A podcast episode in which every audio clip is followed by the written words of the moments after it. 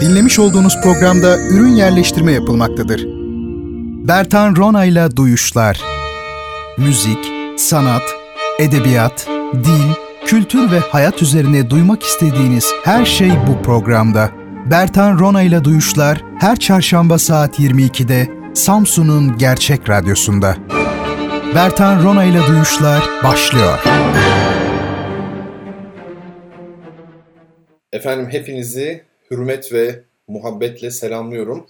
Duyuşlar programına hoş geldiniz. Safalar getirdiniz çok sevgili dinleyenlerim. Görüşmeyeli iyi olduğunuz ümit ediyorum. Bugün 23 Aralık 2020 Çarşamba ve bizler yeni yıla yaklaştığımız şu günlerde yine her zaman olduğu gibi Çarşamba gecesi saat 22'de bir araya geldik ve hoşumuza giden, ilgimizi çeken konular üzerinde sohbet edeceğiz bu gece. Efendim duyuşlar bildiğiniz üzere müzik, sanat, edebiyat ağırlıklı, düşünce, dil ağırlıklı bir program. Yayın hayatına yaklaşık 4 yıldır devam ediyor. 4 yıl doldurmadık ama doldurmamıza da pek bir şey kalmadı. Hayat nasıl devam ediyorsa duyuşlar da öyle devam ediyor. Bazen dolu dizgin, bazen biraz daha durgun, bazen çok derli toplu, bazen dağınık, bazen çok iddialı, bazen daha kendiliğinden spontan öyle söyleyelim. E, ee, 4 yılı artık devirmek üzereyiz. Yaklaşık 2 ay kadar sonra, 2 e, aydan bile az bir zaman sonra 4. yılımızı doldurmuş olacağız. Sizlere tabii teşekkür borçluyum. Beni yalnız bırakmadınız. Müdavimlerimiz var. Bu süreçte bizi sürekli takip eden dinleyicilerimiz e, oluştu elbette. Bir aile gibi e, gitmeye çalışıyoruz. Birbirimizi hatta tanıyoruz. Küçük bir program olmanın böyle avantajları da var. Dinleyicilerinizi tanıyorsunuz mesela. Çoğunu en azından. Ama haksızlık etmeyeyim. Tanımadıklarım da var. Türkiye'nin çeşitli yerlerinde zaman zaman işte kongreler, belli festivaller falan konuşmacı olarak gidiyorum bir şekilde. E, orada mutlaka 3-5 kişi oluyor. Hocam biz duyuşları dinliyoruz. Oradan biliyoruz sizi. Görmeye geldik hazır şehrimize gelmişken. Bunlar güzel şeyler tabii. Çünkü gerçek manada yakınlık e, bedensel, fiziksel bir yakınlık değil. E, gerçek manada yakınlık, duyguların, düşüncelerin bir olması aslında. Hele bu çağda yani günümüz dünyasında e, gereksiz derecede yakınız birbirimize. Mahremiyet diye bir şey kalmadı. Herkes birbirinin ağzının içinde. Herkes her şeyden haberdar. E, bu koşullar altında düşüncelerin, duyguların, bu tür yakınlıkların ve birlikteliklerin önemi de e, daha da artıyor elbette. Efendim Sosyal medyada e, Bertan Rona ismiyle bulunuyoruz. Hem Twitter'da hem de Instagram'da. E, bu mecraları takibiniz önemlidir. Çünkü Twitter'da yani soruların, kitap hediyeli soruların cevabını alıyoruz. Program içerisinde sizlere işte hediye edeceğimiz kitap hangisi ise e, bunu verebilmemiz için işin esprisi tabii nüktesi bir e, soru soruyoruz. Siz bu sorunun cevabını Bertan Rona Twitter hesabından ama dikkat edin Bertan Rona ile duyuşlar değil. Bertan Rona Twitter hesabından doğrudan mention şeklinde cevaplıyorsunuz. İlk cevaplayan kişi olduğunuzda kitabınızı alıyorsunuz. Instagram'a da zaman zaman görseller yüklüyorum. Mesela geçen hafta böyleydi. Ee, Instagram'dan da takip edebilirsiniz bu anlamda. E, çünkü bir resim analiz edebiliriz veya işte üzerinde konuştuğumuz bir görsel vardır, bir fotoğraf, başka bir şey. Instagram'dan da onu bakabiliyorsunuz. Bu hafta pek bir şey yok. Sadece işte hediye kitabı Instagram'a da koydum. Ee, tabii ki Twitter'dan da paylaşmıştım ama onları Instagram'a da koyuyorum. Çünkü eski bölümleri dinleyen çok fazla dinleyicimiz var. E, duyuşları dinliyorlar, seviyorlar. Ondan sonra da eski bölümleri dinlemeye başlıyorlar. O bakımdan Instagram'da bulunması o bölümleri tekrar dinleyen dinleyicilerimiz için e, önemli. Oradan çünkü bakıyorlar. E, çünkü koymasak havaya konuşmuş gibi olur eski bölümleri dinlediğimizde. Mesela bir resim analizi yapıyoruz. E, resim nerede işte falan filan. E, peki eski bölümler nerede? Spotify'da ve SoundCloud'da. Spotify'da da var ama tamamlandı mı, bütün bölümler yüklendi mi bilmiyorum. Onu yönetmenimiz daha iyi bilir sevgili Teoman. Ama SoundCloud'da bütün bölümlerimiz var. Oradan hepsini dinleme imkanımız var duyuşların. Elektronik posta adresimiz yine bertanrona.gmail.com duyuşlar.gmail.com da var ama daha çok Bertan tercih ediyor insanlar. Hani olur ya böyle işte 60-70 tane kartınız falan olur. Hepsinin şifresi başka bilmem ne. internet sitelerine üye olursunuz şifresi başka. Bazıları da tek bir şifreyle yaparlar. Rahat ederler. E, bizde de herhalde Bertan Rona adıyla olunca daha mı rahat oldu artık? Yani hem Twitter hem Instagram bir tane elektronik posta yetiyor herhalde ne bileyim. Efendim e, bu gece bazı soruları cevaplayacağız. E, bu sorular ben e, sosyal medya üzerinden yaptığım duyuruda e, nasıl söyleyeyim sizlerden gelen sorular dedim. Doğru sizlerden gelen sorular ama aslında tek bir dinleyicimizden gelen sorular. Sevgili Meryem Betül Koçak'tan. Meryem Betül Koçak daha önce de programımıza konuk olmuştu aslında. Daha önce de değil, e, daha önce konuk olmuştu. Çünkü şimdiki bir konuk olma değil tam olarak. E, kendisi bir edebiyatçı, e, fotoğrafçı, aynı zamanda müzisyen de bildiğim kadarıyla tambur çalıyor değil mi? Yanlışım olursa beni düzeltsin lütfen. Ve şiirleri, çalışmaları düzenli olarak dergilerde yayınlayan, yayınlanan çok değerli bir arkadaşımız. Daha önce onun çalışmalarını tanıtmıştık e, biz e, Duyuşlar programında. Geçtiğimiz haftalarda hatta aylarda e, benden bir ricası olmuştu. Daha doğrusu pek çok dinleyicim gibi o da bana yazdı ve işte senfoni ve konçerto üzerine bir soru sormuştu. E, bunları hocam cevaplar mısınız programınızda diye. Ben e, çok ayıp bir şey yaptım ve hani yoğunluğun da etkisi var ama bir unutma söz konusu yani. E, tuhaf bir şekilde bunu atladım ama e, bir de şey var tabii. E, daha tuhaf olanı sonradan hatırlamak birdenbire. E, hatırlayınca tabii mahcup oldum. Çok fazla e, dost var bu şekilde cevap vermekte geciktiğim. Beni affetsinler çünkü ben çok yoğun bir süreçten geçiyorum. İki büyük iş üzerinde çalışıyorum eser olarak yeni. Öyle olunca çok yoğun oluyor. Hakikaten e, okulda dersler var falan. E, çok özür diliyorum bütün e, dostlardan bu vesileyle ama e, bir yıl sonra bile olsa e, Allah sağlık zat e, verdikçe onu yaparız inşallah. E, şimdi bu sorular tabii çok güzel. Ben de dedim ki e, sevgili Betül'e. Betül'cüm dedim sen e, birkaç soru daha e, sorarsın bana eminim. Yani madem öyle aklında olan başka müzikle ilgili başka soruları da sor. Yine bir tür Meryem Betül e, Koçak programı yapalım. Yani o zaman cevaplarınla bizimle birlikte olmuştun. Şimdi sorularınla ol. Ne demek bu? E, tabii sanat yapıtları bir anlamda e, sanatçıların cevaplarıdır hayata. E, kafalarında oluşan sorulara verdikleri cevaplardır. Onun şiirleri sevgili Betül'ün öyle diyelim ki işte efendim fotoğraf çalışmaları belki bir anlamda öyle. Hoş sanat yapısı da bazen sadece soru olabilir elbette ama genel manada böyle diyelim şimdilik bir cevap. Şimdi ise bu programda ise sorularıyla bizimle birlikte olacak. E, o kadar güzel sorular sormuş ki şimdi e, hani abartmıyorum ben e, okuduğum zaman soruları sizler de takdir edeceksiniz. E, son derece e, derinlikli, efendime söyleyeyim kapsamlı, e, işin aslına e, nüfuz eden ve ihtiyacımız olan yani öğrenmeye ihtiyacımız olan konularla ilgili belki bana pas veren, pas atan e, çok değerli sorular. Bunda tabii e, sevgili Betül'ün hem bir akademisyen olma yolunda gitmesi, bir üniversite öğrencisi olması hem de e, bana kalırsa tabii müzikle ilgili çalışmalar yapmasının da etkisi var. Ama şunu e, ifade edelim. E, müzikle ilgili çalışmalar yapan herkes bu tür sorular soramaz. Belli ki o düşünüyor da müzik üzerine. Yani müziğin teknik meseleleri üzerine, müziğin sosyal, tarihsel boyutu üzerine, kültürel boyutu üzerine ve tabii müziğin felsefi boyutu üzerine. Bu sorular dediğim gibi çok değerli. Kendisine teşekkür ediyorum. Ee, ve 19 soru var.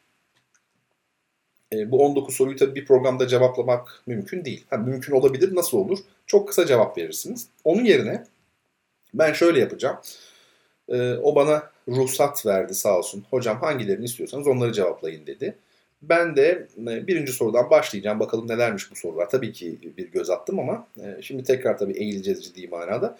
Bakacağım bu sorulara. Gidebildiğimiz yere kadar gideriz. Gerekiyorsa haftaya da bu soruları yaparız. Sonuçta duyuşlar müzikle ilgili, sanatla ilgili bir program.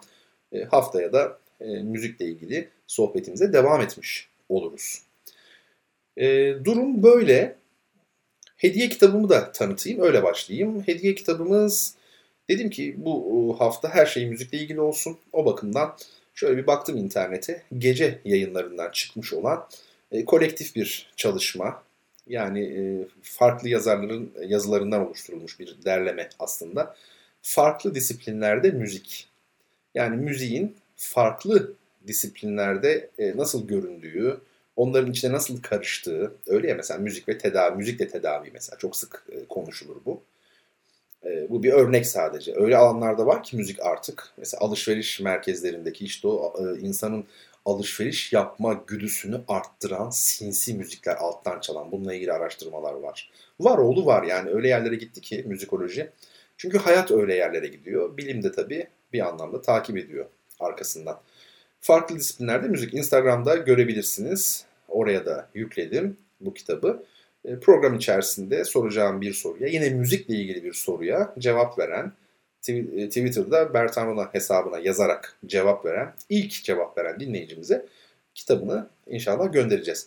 Şimdi e, efendim şöyle bir bakalım sevgili Meryem Betül Koçak'ın ilk sorusuna. Demiş ki Batı müziği nedir? Batı müziği deyince ne anlamalıyız? Batı müziği, pardon Batı için müziğin önemi, mahiyeti nedir? Şimdi tabii şunu söyleyelim. E, bu dedim ya soruları kısaca cevaplarsanız e, 19'unda bir programda bitirebilirsiniz dedim. E, daha uzun cevabı hak ediyor tabii bu sorular. Aslında ne kadar uzun bir cevabı hak ediyor size söyleyeyim. Açık e, konuşmak gerekirse bu ilk soru bir kitap e, konusu olabilir. Yani bu konu üzerine bir kitap yazılabilir. E çünkü işin içine çok başka şeyler giriyor. Yani e, Batı müziği deyince ne anlamalıyızdan öte Batı için müziğin önemi dediğinizde, mahiyeti dediğinizde iş genişler. O bakımdan bunları özetin özeti olarak kabul edelim. Ama belli okumalar yapmaya bizi yönlendirebilir, e, düşünceye yönlendirebilir. E, tabii e, sevgili Betül'ün e, kafasındaki soruları büyük oranda belki e, izale edecektir e, soru işaretlerini. Ve tabii ki e, onun şahsında da bütün dinleyicilerimizinkini. Yoksa biz onunla bir telefon konuşmasında da bu şeyi yapardık yani e, soru cevabı veya sohbeti kahve içerken de yapabiliriz ama e, önemli olan burada konuyla ilgilenen herkese cevap verebilmek. Ve bu konuyla ilgilenme sadece müzisyen olma anlamında da değildir. Genel manada bir ressam da buradan çok istifade eder. Onun ötesinde sanatla ilgilenmese de bir insan çok istifade eder. Çünkü her şey felsefenin ve inancın konusu aslında. E, o bakımdan herkesi ilgilendiriyor. Şimdi Batı müziği nedir? Burada her şeyden önce Batı ile neyin anlaşıldığının netleşmesi gerekiyor. Batı bir coğrafya terimi olarak mı algılanacak? Yani Batı deyince bizim aklımıza ne geliyor? Dünya tarihinin eksenini oluşturan ana yazım, tarih yazımının gerçekleştiği Akdeniz Havzası mı gelmeli? Galiba öyle Roma İmparatorluğu Akdeniz Havzası. Belki onların bir üstü diyebileceğimiz yani Akdeniz Havzası'nın komşuları diyen denilen kuzeyde Germenler, Gotlar efendim değil mi İngilizler, Angıllar filan, Keltler. Güneyde de işte Kartaca, Kuzey Afrika'da kurulmuş olan medeniyetler ve bir de Doğu Akdeniz yani Suriye, Filistin o bölgeler. O zamanlar Filistin adı yok. Filistin ismi çok yeni bir isim aslında. E, 100 yıllık bir isimdir Filistin ismi. Belki o kadar bile değildir e, efendime söyleyeyim o bölge yani Suriye olsun, Anadolu olsun, İran'a kadar olan bölge. Yani bildiğimiz tarih burada yazılmış. E, değil mi? Yani İnkalar, efendime söyleyeyim Aztekler, dünyanın başka yerlerindeki uygarlıkların tarihine baktığımızda e, onlar bir müddet sonra belki ön plana çıkmış oluyor. E, burada tabii biraz e, ben merkezci bir yapı var. Bunun eleştirisi tabii ayrı bir konu. Şimdi biz ona da girersek hiç yani birinci soruyla e, bir dört yıl daha program yaparız sadece birinci soruyla. Şunu ifade etmek lazım. Coğrafyacılar da zaten Avrupa kıtasını bağımsız bir kıtadan çok yani homojen, türdeş bir kıtadan çok bir coğrafya terimi olarak kabul ediyorlar. Ee, doğu'da biliyorsunuz yani Avrupa Asya ile birleşiyor ve Avrupa'nın nerede bittiği, Asya'nın nerede başladığı belli değil. Ural dağları bir e, konvansiyon yani bir kabul aslında.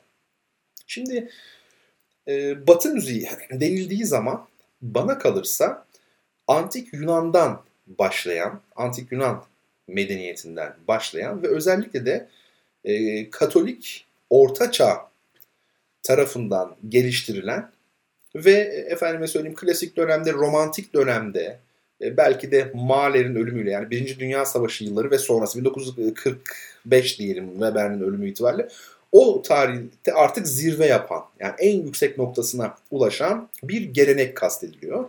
Bu geleneğin en önemli özelliği bu müziğin çok sesli olması. Açık konuşmak gerekirse en önemli özelliği o. Yani uzak doğuda da müzik var. Ee, bizde de İslam dünyasında da müzik var. E, Mayalarda da vardır eminim. Efendime söyleyeyim. Afrika'da da var. Her yerde var. Ancak Avrupa'daki müziğin ayırt edici özelliği e, bu Katolik e, dünyada oluşan müziğin ayırt edici özelliği çok sesli olması. Bu çok seslilik belli bir tarihten itibaren yani binlerden, 1200'lerden kabaca gotik dönem ve sonrasından itibaren gelişiyor. Yani yaklaşık bir belki 750 yıllık, 800-900 yıllık tarihi olan bir çok seslilik geleneğinden bahsediyoruz. Ne demek çok seslilik? E, bizim bir klasik Türk musikisi heyetimiz. Heyet de bu arada ne kadar güzel kelimedir değil mi? Heyet. Heyet bir araya gelmek demektir. Yani müheyya oldu meclis sakıya peymaneler dönsün diyor ya e, güftekar. Ne demek bu? Müheyya o heyet kökünden yani hazır oldu, birleşti, bir araya geldi meclis. Sakıya peymaneler dönsün. Ve tabii e, astronomiye de eskiden heyet denirdi. Heyet ilmi. Yani kompozisyon anlamı var burada. Bir araya getirme anlamı var. Yaratıcının e, kainatı bu şekilde oluşturduğu manası var ki universe aslında unique bir demek biliyorsunuz. O da birliği ve bütünlüğü ifade ediyor. Ki Kur'an kelimesi de aslında kainat demektir. Kainat demeyelim de bir araya gelme anlamındadır. İşte kompozisyon gibidir yani. Heyet aslında. Çünkü Kur'an birleştirmek demektir ama bu zannedildiği gibi Musaf'taki birleşmeden ziyade ikra, ilk hece o da birleştir demektir aslında ikra. Okuma demek ama neden birleştir gibi bir anlamı var? Çünkü harfleri birleştirdiğinizde okuyorsunuz. E bunlar tabii yine başka bir konu. Beni heyecanlandırdığı için oraya böyle doğru akıyorum. Hemen durayım. Ee, biz tekrar esas şeyimize dönelim. Yani konumuza e, dönelim. E, bu yaklaşık bin yıllık müzik dedik ve burada bir çok seslendirme e, söz konusu. Ve Osmanlı'ya örnek verdik. Dedik ki bizdeki Türk müziğinde mesela bir heyet oturduğu zaman bir şarkı söyleyecek. Şarkı olmasın başka bir formda bir eser söyleyeceğiz ama beş kişiler mi? Beşi de aynı melodiyi söyler, aynı ezgiyi söyler, aynı nameyi söyler. Beş kişi de aynıdır. Kanun, ut, efendim tambur, ney diyelim. Beraber çalıyorlar ve beraber söylüyorlar. Değil mi? Ah bir elif çekti yine sineme canan bu gece. Mesela meşhur. Değil mi? Herkes aynı şey. Ama çok sesli müzik olduğu zaman kemanlar başka bir melodi çalıyor. Öyle melodi diyelim biz şimdilik. Yani eşlik bile olsa. Viola başka bir şey çalıyor. Ee, yani derinlikli bir müzik oluyor. Daha hani e, eş zamanlı armoni var. Melodiden ziyade armoni var. Batı müziği deyince e, tarihsel manada baktığımızda dediğim gibi e, Hristiyan Avrupa'nın göbeğinde gelişen bir müziği anlıyoruz. Ve bunun en temel teknik özelliği de tabii çok sesli olması. Ama hep aynı şekilde kalmış bir müzikten de bahsetmiyoruz. Zaman içerisinde ciddi gelişimler göstermiş. Yani bir zamanlar sadece dini olarak yapılır iken bütün dünyada müzik böyleydi. Yani dini müzik dışında bir müzik yapmak pek mümkün değildi. Bach'ın da mesela Johann Sebastian Bach'ın bütün eserleri aşağı yukarı yani dinidir. Daha sonra la dini yani dini olmayan, din dışı yani profan müzikler e, gündeme gelmiştir belli bir tarihten sonra. Mesela bizde var ya Türkçe ezan olur mu olmaz mı tartışmaları yani hep konuşulan şeyler artık yani yıllardır aynı dava ne yazık ki. E, baktığınızda Avrupa'da bu aşamalardan geçmiş. Latince dışında ibadet olur mu? Mesela Brahms bir Almanca Requiem besteliyor. 12 yılda besteliyor bu eserini. Adı da Ein Deutsch Requiem yani bir Alman Requiem'i. Dolayısıyla e, bir zamanlar çalgılar kiliseye giremiyorlardı. Bizde bugün camiye e, çalgı sokulmadığı gibi. E, ama daha sonra girmeye başladılar. Bugün Papa'nın olduğu huzurda yani şeyler veriliyor biliyorsunuz. Konserler yapılıyor kilisenin içerisinde. Zaten kilise hep müzikle iç içe olmuş. İşte koro biliyoruz. Onlar da ibadet ve dua için belli günün belli saatlerde toplanıyorlar vesaire. Ama dediğim gibi formlar değişmiş. Bizde nasıl mesela Hacı Arif Bey ile birlikte işte şarkı formu parçalanma. Orada da aynı dönemlerde ilginçtir romantizmle birlikte formlarda parçalanma görüyoruz. Yani hem e, çalgılar değişmiş. Mozart'ın orkestrasındaki çalgı sayısı 40-50, Mahler'e geldiğimizde belki 150. Çalgı sayısı değişmiş, müziğin yapıldığı mekan değişmiş, efendim mesela pek çok şey değişmiş zaman içerisinde. Ama bu müziğin çok sesli olma vasfı değişmemiş. Bir de bazı özellikleri var tabii. Sanayi toplumları olduğu için Avrupa toplumları biz orada bireyin geliştiğini görüyoruz. Birey kavramını. Yani onlar da bir zamanlar bir ümmetti. Kul idiler her biri. Birey yoktu o müzikte. Mesela Johann Sebastian Bach tam bir birey değildir. Tam birey olmadığı için de onun müziğinde nüans çok göremeyiz. Yani aşırı forte yani sesin birdenbire açılması, birdenbire kapanması hani Beethoven'da falan gördüğümüz ya da diğer bestecilerde. Bu e, Bach'ta yoktur. Çünkü Bach daha eski bir dünyanın insanıydı. Orada bireysel ifade, ekspresyon söz konusu değil. Çok söz konusu değil. Az, çok az. Tıpkı bizim Türk müziğinde olduğu gibi. Klasik Türk musikimize baktığımızda bizde de nüans çok fazla yoktur. Neden? birey olunmamış. Çünkü sanayi toplumu olmadan birey olunmaz. Yani insanın kendini birey olarak duyumsaması bu tabii aslında serbest pazar ekonomisiyle ilgili bir şey. Çok matah zannediliyor ama e, çünkü birey olacaksınız ki müşteri olasınız. Pek çok konuyu çözmek istiyorsanız müşteri var ya müşteri. Müşteri de ilginçtir. Jüpiter'in de aynı zamanda ismidir. Jüpiter gezegeninin müşteri.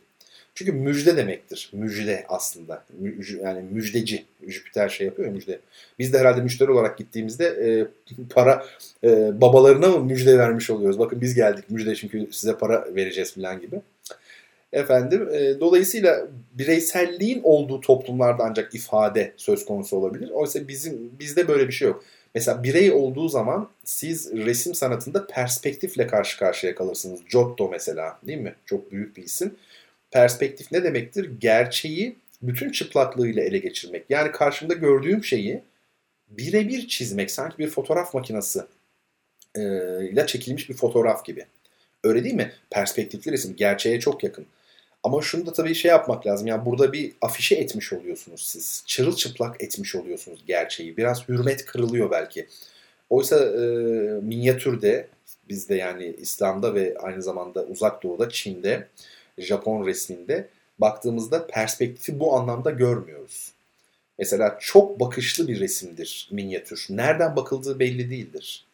E, zaman, mekan, madde, hareket, uzam bunların hepsi birbirinin içine girmiş gibidir. Minyatürlere bir bakın yukarıdan mı bakıyor musunuz, yandan mı bakıyorsunuz belli değil. E, perspektifte ise tek bir açıdan bakıyorsunuz. Yani sizi tek bir noktaya hapseder. Buna da dikkat edelim. Gerçek bu kadar insana ait bir şey değil. Geçen gün şöyle yazdım sosyal medyada yani bilgi e, sahip olabileceğimiz bir şey değil. Bilgi bizim ait olabileceğimiz bir şey. Bu çok önemli.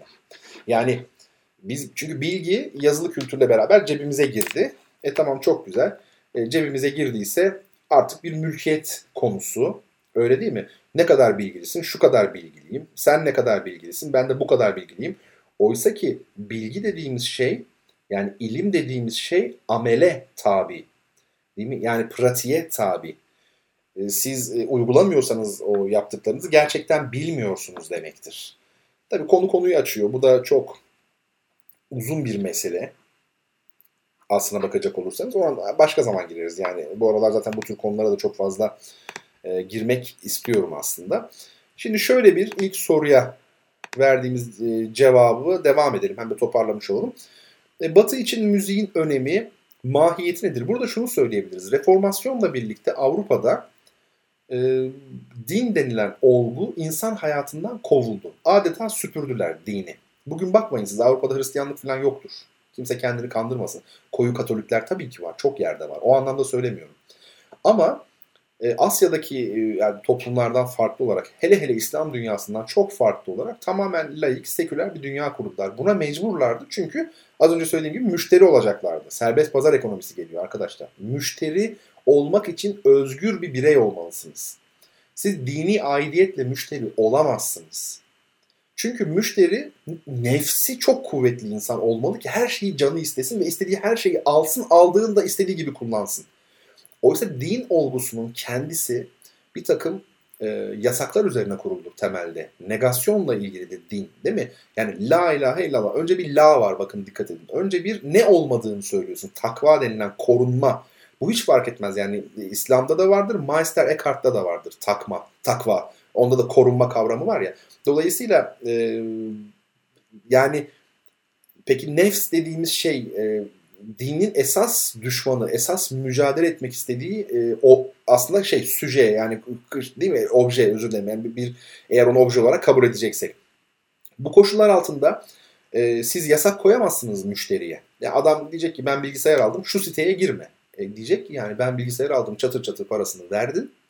Girerim kardeşim diyecek. Dolayısıyla dinlerin asıl düşmanı, asıl düşmanı dinlerin yok demokrasi, yok laiklik, yok sekülerlik şu bu değildir. Asıl düşmanı serbest pazar ekonomisidir. Çünkü bütün bunların sekülerlik, işte efendim laiklik, cumhuriyetçilik hani sayabiliriz. Avrupa için de aynı şekilde geçerli. Bunların temelinde yatan şey serbest pazar ekonomisi. Bu değişiklikler bunun için oldu. Yani bunu ısrarla vurgulamak istiyorum. Bizler müşteri olalım diye oldu. Şimdi Bu süpürüldü, din süpürüldü. Herkes işte efendim serbest pazar dikkat edin özgürlüğün en fazla olduğu ülkeler Hollanda, İngiltere gibi ülkelerdir. Yine sanayi kapitalizmi, deniz ticareti, şehir kültürü bakın dikkat edin hep aynı yerler. Burada e, zirve yaptı. Bu peki süpürülünce, din insan hayatından süpürülünce ilginç bir durum oluştu ve büyük bir manevi boşluk gerçekleşti aslında insan hayatında. Ve bunun yerine, bu çok meşhur bir tabii teoridir, bunun yerine sanat ikame edildi. Yani bunun yerine sanatı koydu Avrupa. Dikkat edin bugün e, sanatçı kutsaldır neredeyse. Mesela Raffaello, Donatello, hani var ya büyük o ressamların isimleri, Leonardo falan bu isimleri mesela İtalya'da koyamazsınız. İtalyanlar bu isimleri koymazlar. Bunlar aziz gibidir her biri. Bir yani din büyüğü, din ulusu gibidir. E, ya da bu bir din aslında. Mesela bir binası var, konser salonu diye bir yer var veya sergi sarayı diye bir yer var. Bienallerde falan gidiyoruz mesela değil mi? Bu mabet olmuş oluyor. İşte efendim e, cuma akşamları ve cumartesi gündüz tekrar eden senfonik e, konserler bir e, çeşit aslında ayin, orada ritüeller var ve sanatçı da bu dinin belki rahibi. Bizler de nereye gitmiş oluyoruz? Burada efendim mesela ibadete adeta gitmiş oluyoruz. Şimdi bu tabii e, hani bugün bir sanatçı hakkında olumsuz konuştuğunuzda büyük tepki alıyorsunuz değil mi? Böyle bir yapı var. Bunun sebebi işte onun dokunulmazlığı. Yani dokunulmaz deyince aklınıza kuddus sıfatı gelsin. Yani kutsiyet atfedilmiş adeta. Hiçbir şekilde dokunamazsınız. Ee, batı için müzik böyledir. Aşırı derecede bir entelektüel faaliyet haline getirilmiştir, yüceltilmiştir. Ancak Batı müziği, e, sevgili e, Meryem Betül öyle güzel sormuştu. Bakın tam burada diyor ki Batı için müziğin önemi mahiyeti. İşte niye bu kadar önemli? Biraz mahiyetine belki bakmak lazım bu noktada müziğin. Şunu söyleyebiliriz. Ee, Avrupa'da tabii sanayi kapitalizmiyle birlikte hatta ondan daha önce 17. yüzyılda bu mekanik materyalizm döneminde kartezyen kültür döneminde her şey hesap işi olmaya başladı. Mesela doğuda da vardır hesap hesap kökünden gelen muhasebe kelimesi vardır. Yani insan kendini muhasebeye çeker. Fakat hakikat dediğimiz şey insanın içinden bir defa çıkarılmaya görsün. Yani insana sen hakikatle yani tabiatla, doğayla, alem ile ne derseniz deyin, Tanrı ile ne derseniz deyin. Hakikatle bir bütün değilsin. Aynı şey değilsin. Sen öznesin. Sen onun dışındasın. Sen ona müdahalede bulunabilirsin. E sen onun dışındaysan aynı varlık değilsin. Canını da yakabilirsin e, tabiata zarar verebilirsin. İşte kapitalizm dediğimiz şey bu değil mi temelde yani sat, satış yapmak için. Öyle değil mi? E, eşyaya da bir müdahale aslında. Bakın dikkat edin. Avrupa'da sanat da aslında bir eşyaya müdahaledir. Resim nedir? Eşyaya müdahale etmektir. Heykel nedir? Taşları yontmaktır. E, hep söylüyorum yani Floransa'da her şeyi gördüm. Ama şehir merkezinde esas e, iç merkez yani halkanın en iç kısmında ağaç hiç yok. Çünkü o kadar sanatsal bir yer ki ya mimari ya heykel her şey işlenmiş. Yani tabiata yer kalmamış. Yani ama e, bugün mesela Edirne'de 2. Bayezid Külliyesi'ne gittiğiniz zaman değil mi bir bakıyorsunuz e, caminin hemen içinde iki tane büyük çınar ağacı onları da dikmişler. E, cami yapılır yapılmaz. Bugün 500 yaşında o ağaçlar. Bunlar e, tabii ki çok güzel bir bütünlük arz ediyor. Ya da işte kuşlar su içsin diye yapılan işte efendim o kuş yuvaları camilerde pek çok şey. E, batı'da da bunun tabii güzel örnekleri var. Onu ifade etmek gerekir. Toptancılık yapmayalım yani. Şimdi sen gerçeğin parçası değilsin. Hakikatle bir bütün değilsin. Hakikate, dış, hakikate dışarıdan müdahale edebilirsin. Sen öznesin çünkü. Ve o zaman sanatı da bu şekilde bakalım. Sanat da tıpkı tabiata müdahale etmenin yani küçük bir versiyonu bu da. Heykel yapıyorsunuz işte efendim ne o resim yapıyorsunuz falan filan. E, müzik bile böyle aslında sesleri işliyorsunuz. Yani malzemeyi işleme demektir. Çünkü insan fizik bir dünyada var oldu. Hazreti Adem'in hikayesi boşuna anlatılmıyor. Melek değil insan. Fizik dünyadaki e, ilişkileri kullanarak ancak kendini ifade edebilir. Buraya tabii anlam yükleyecek. Tabii onu da ifade edelim. Şimdi dolayısıyla e, bir aşırı derecede bir dış, dışarıdan bakma, tabiata dışarıdan bakma, hakikati de kendi içinden dışarı çıkarma ve dolayısıyla muhasebeden uzaklaşma söz konusu. Onun yerine ne var? Hakikat dışarıdaysa rekabet var ve hesap kültürü var. Ama muhasebe tarzı yani bireysel bir hesaptan bahsetmiyoruz. Nicelize olmuş yani nicelikle ilgili sayısal sürekli bir efendim mesela hesap yapma. Her şey son derece köşeli.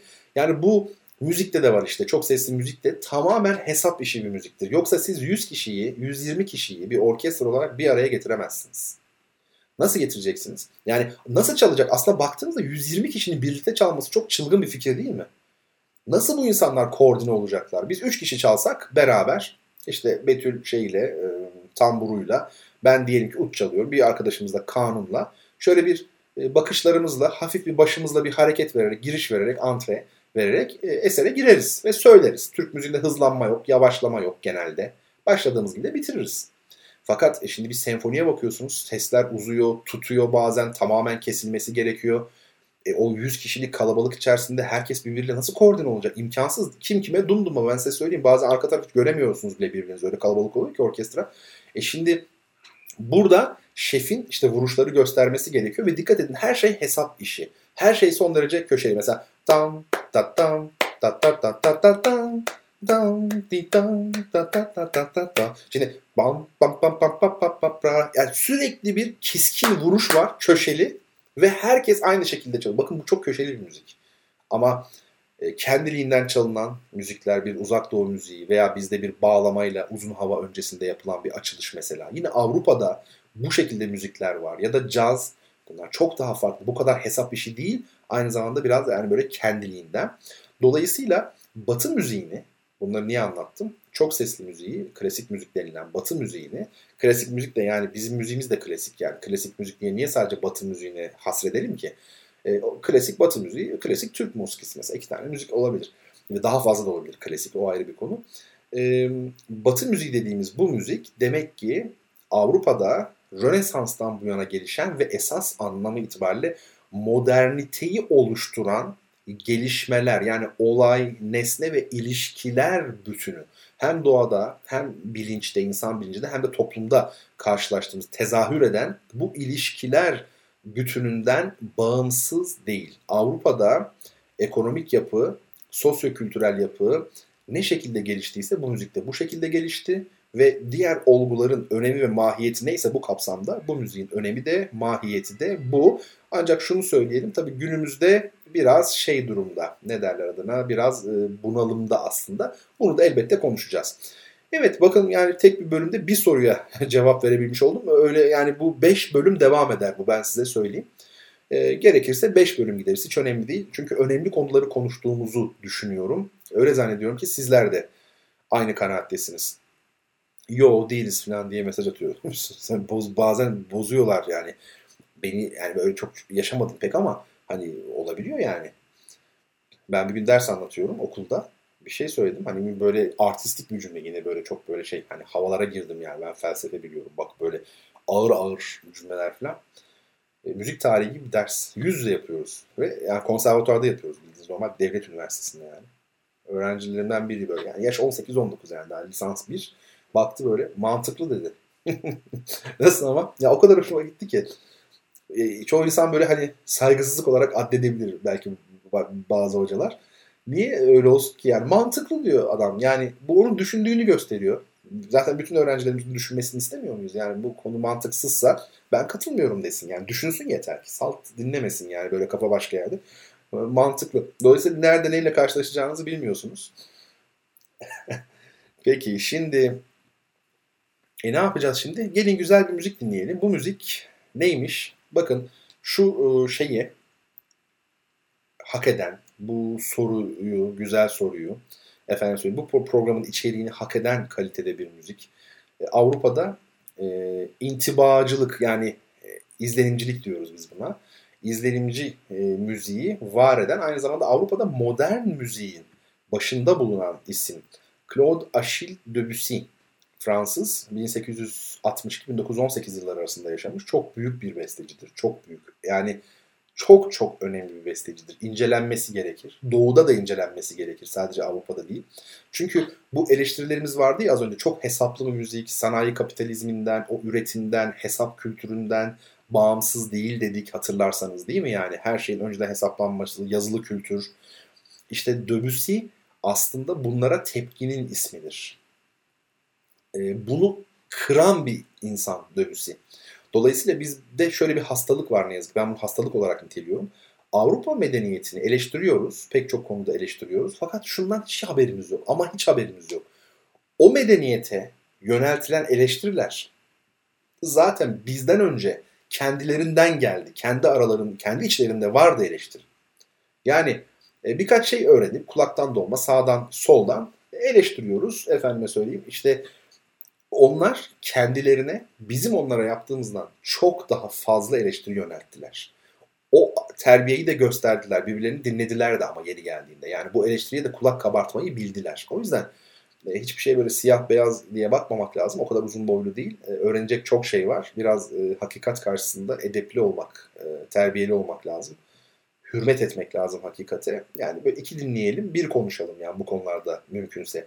Dediğim gibi Debussy, şimdi biz dinlediğimizde ay olağanüstü bir müzik falan böyle rüya gibi diyeceğiz. Zaten eserin adı da Rüya.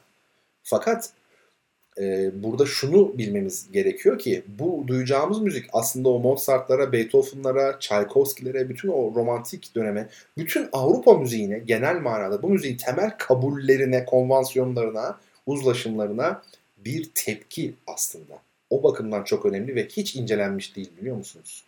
Çok az insan haberdar. Yani bir Ahmet Hamdi Tanpınar'ın mesela ben bir kitabında gördüğümü hatırlıyorum. Dücane Cündoğlu'nun bahsettiğini belki hayal meyal hatırlıyorum. En çok bahsedenlerden biri de Salih Mirza Beyoğlu'dur kitaplarında. O bahseder. E, bildiği aşikar. Dolayısıyla e, çok eksiğimiz var. Bunların üzerine gitmemiz gerekiyor. Efendim şimdi Debussy'nin Rüya adlı olağanüstü güzel e, kompozisyonunu, bestesini solo piyano için yazdığı çalışmayı dinleyelim. Arkasından Meryem Betül Koçak sorularıyla devam edelim. Bir bölümde sadece bir taneyi cevaplayabildik. Olsun bazen iki gider bazen bir gider. Dediğim gibi bunlar 19'unda bir şekilde bir program, üç program fark etmez tamamlarız. Efendim aranın ardından, müzik arasının ardından yine birlikte olalım.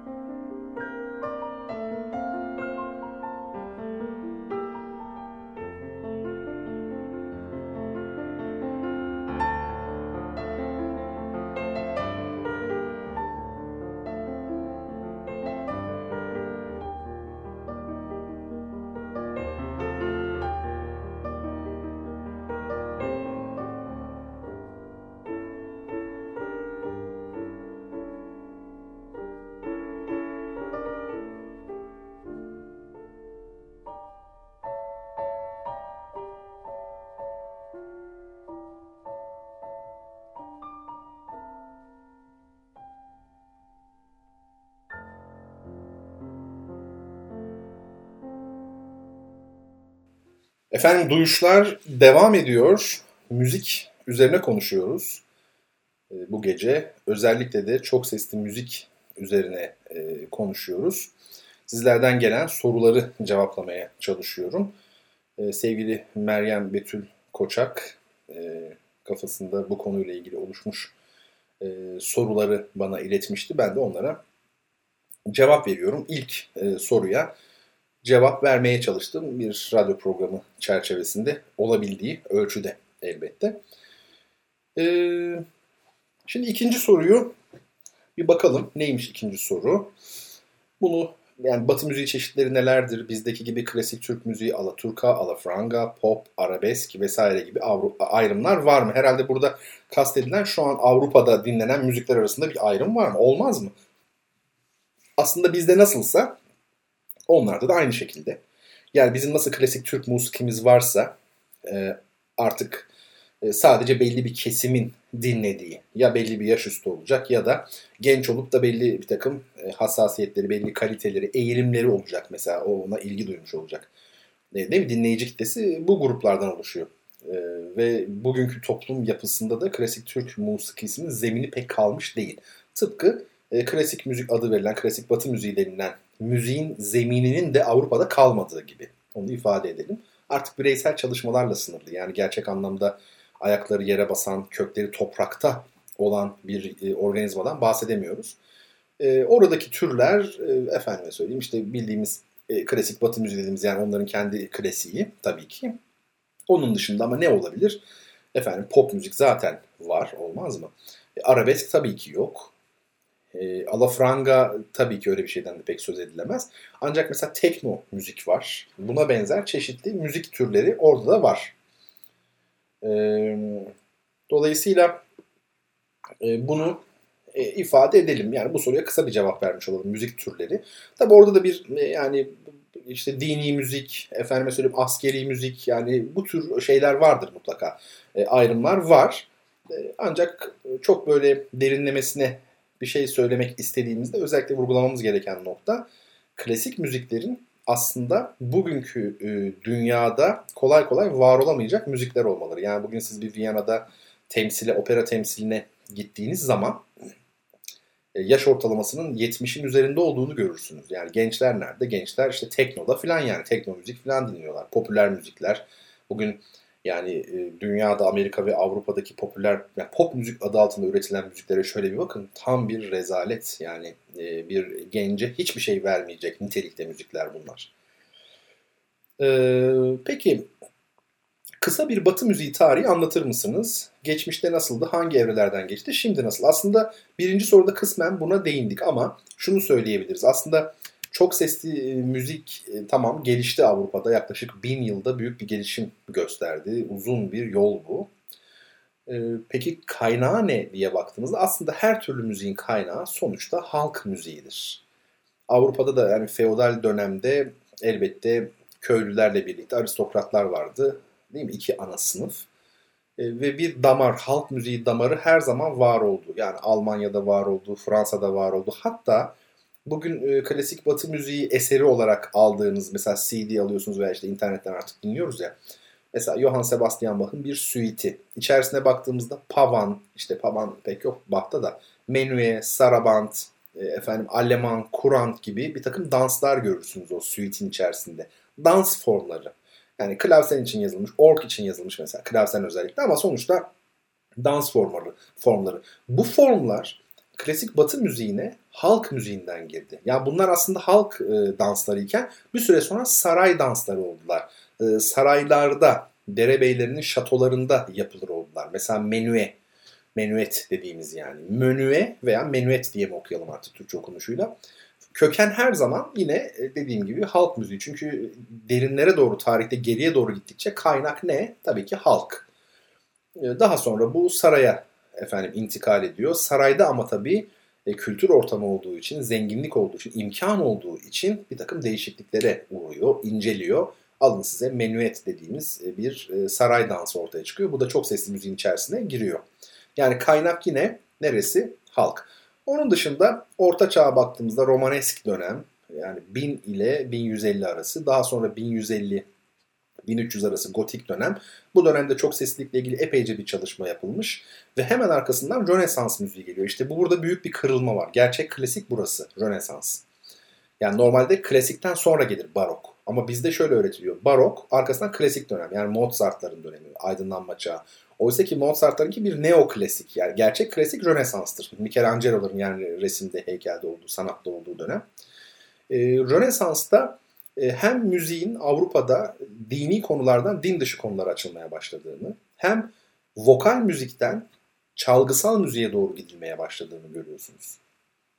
E, çünkü vokal müzik kabul ediliyordu kilise tarafından. İnsan sesi kutsal kabul ediliyordu. Tanrı işte kendi nefesinden üflediği için, kendi ruhundan üflediği için Hazreti Adem'e insan nefesinin de ruhla hep birbirine karıştırılan kavramlardır. Nefes ve ruh. E, pneuma başka bir şey. Efendim spiritus işte efendim başka bir şey. Değil mi? Bundan ötürü insan sesi kutsal kabul edilirdi. Ama çalgılar her zaman eğlenceyle, sefahat alemleriyle ilişkilendirildiği için e, çalgıların da e, kiliseye girmesi yasak addediliyordu. Ama bu da kırılmaya başladı. Yani Rönesans'la birlikte opera sanatı da ortaya çıktı. Çalgı yapımında büyük ilerlemeler görüldü. Bugün bizim orkestra diyebileceğimiz gerçek topluluklar ortaya çıkmaya başladı. 1500'lerin sonları artık 1600'ler. Yine de küçük orkestralar bunlar henüz. Çünkü şehir hayatı henüz e, modern konser salonlarının oluşabildiği bir şehir hayatı değil. Yani konser salonu yok. Müzik nerede yapılıyor? Aristokrasinin saraylarında yapılıyor. Köşklerde, efendim şatolarda. Böyle olunca da ister istemez orkestranın e, hacmi küçük, sayısı küçük. Odada yapılıyor çünkü. Ama yavaş yavaş e, şehir hayatı ve halka açılmaya başladığını görüyoruz. Yani ilk defa Beethoven dönemiyle birlikte bizim bildiğimiz bu para verilip bilet alınıp gidilen konser var ya bu ilk defa Beethoven'la birlikte aslında o dönemle birlikte oluşan bir şey. Romantizmle birlikte yani romantizme doğru. Beethoven tabi romantik değil. Ee, ama romantik dönemde artık Schubert'ler vesaire vesaire. Yani klasik dönemden sonra biz bir barok dönem görüyoruz arada. Bu dönem yaklaşık 1600-1750 arasındaki e, 150 yıllık dönemi kapsıyor çok uzun konular. Yani bunu anlatsam program biter. O yüzden e, yüzeysel gitmek zorunda kalıyorum ama bu defa da içime sinmiyor. Yarım yamalak oluyor gibi. Çünkü baroktaki bu aşırı süslemecilik eğilimi neyin dışa vurumu? Yani bunu da tabii konuşmak lazım. Fakat Rönesans'ta antik Yunan'a bir dönüş var. Simetri, uyum, işte armoni dediğimiz şey, oran, orantı, biçimcilik, formalizm bunlar Rönesans'ın tabii özellikleri klasik sanatın. Barok döneme geldiğimizde bunlara bir tepki görüyoruz. Bu aslında aristokrasinin yeni yeni palazlanmaya başlayan burjuva sınıfına karşı bir tepkisi. Yani para sende ama kültür bende demek. O yüzden Rönesans'dan sonra gelen barok sanat o yüzden bu kadar süslüdür. Aşırı ağdalı bir üsluptadır. Baroktan sonra klasik bu tabi tekrar Rönesans'ın bir manada canlanması oluyor. Haydn Önce Johann Sebastian Bach'ın oğulları, sonra Haydn, Mozart ve Beethoven tabii bu üçlü. Birinci Viyana klasik ekolü denilen ekol. Yani Haydn, Mozart ve Beethoven. Ve hemen arkasından da Burjuva Demokratik Devrimi, 1789 Fransız İhtilali ve sonrasında hayal kırıklığı e, yaşatan, e, daha doğrusu yaşanan hayal kırıklığının bir sonucu olan romantik dönem. Yani Burjuvazi bütün dünya insanlarına, halka şöyle dedi. Siz bu aristokratların elinden yüzlerce yıldan bu yana, belki binlerce yıldan bu yana, en azından bin yıldan beri çekiyorsunuz. Biz sizi bu insanların elinden kurtaracağız. Yani yeni bir düzen kuruluyor. Artık doğuştan ayrıcalıklar yok. Sen aristokratsın, sen köylüsün, sen kölesin. Bu yok.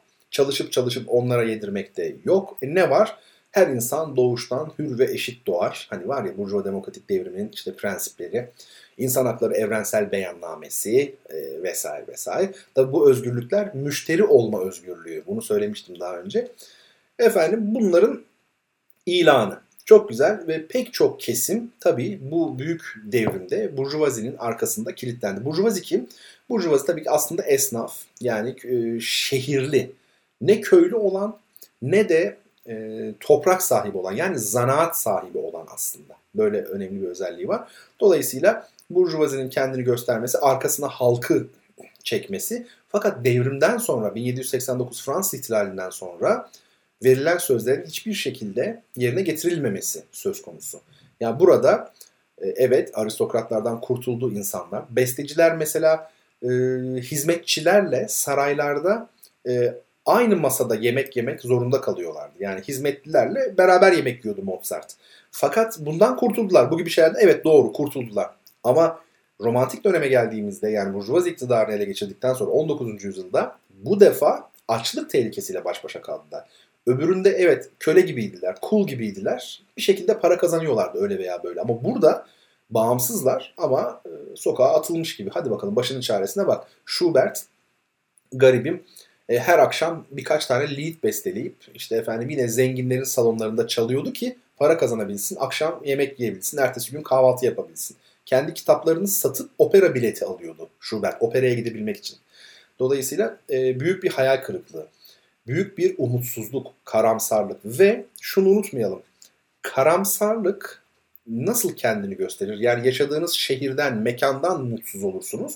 Bir de e, yani hem mekana dair bir umutsuzluk vardır hem de zamana dair yaşadığınız dönemden mutsuz olursunuz. İşte bunlar bir takım eğilimlere yol açar. Bir tanesi romantik müzikte görülen pastoralizm eğilimi.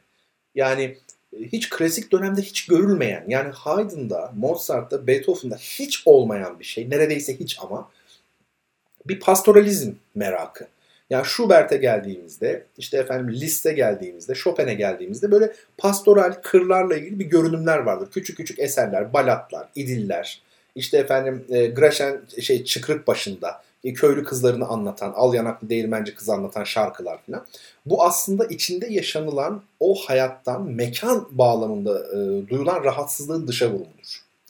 Aynı zamanda yaşanılan dönemden de çok rahatsız oldu sanatçılar. Bu da kendini e, neyde gösterdi? Tarihçilik akımında gösterdi. Mesela Brahms gibi bazı besteciler de çıktılar.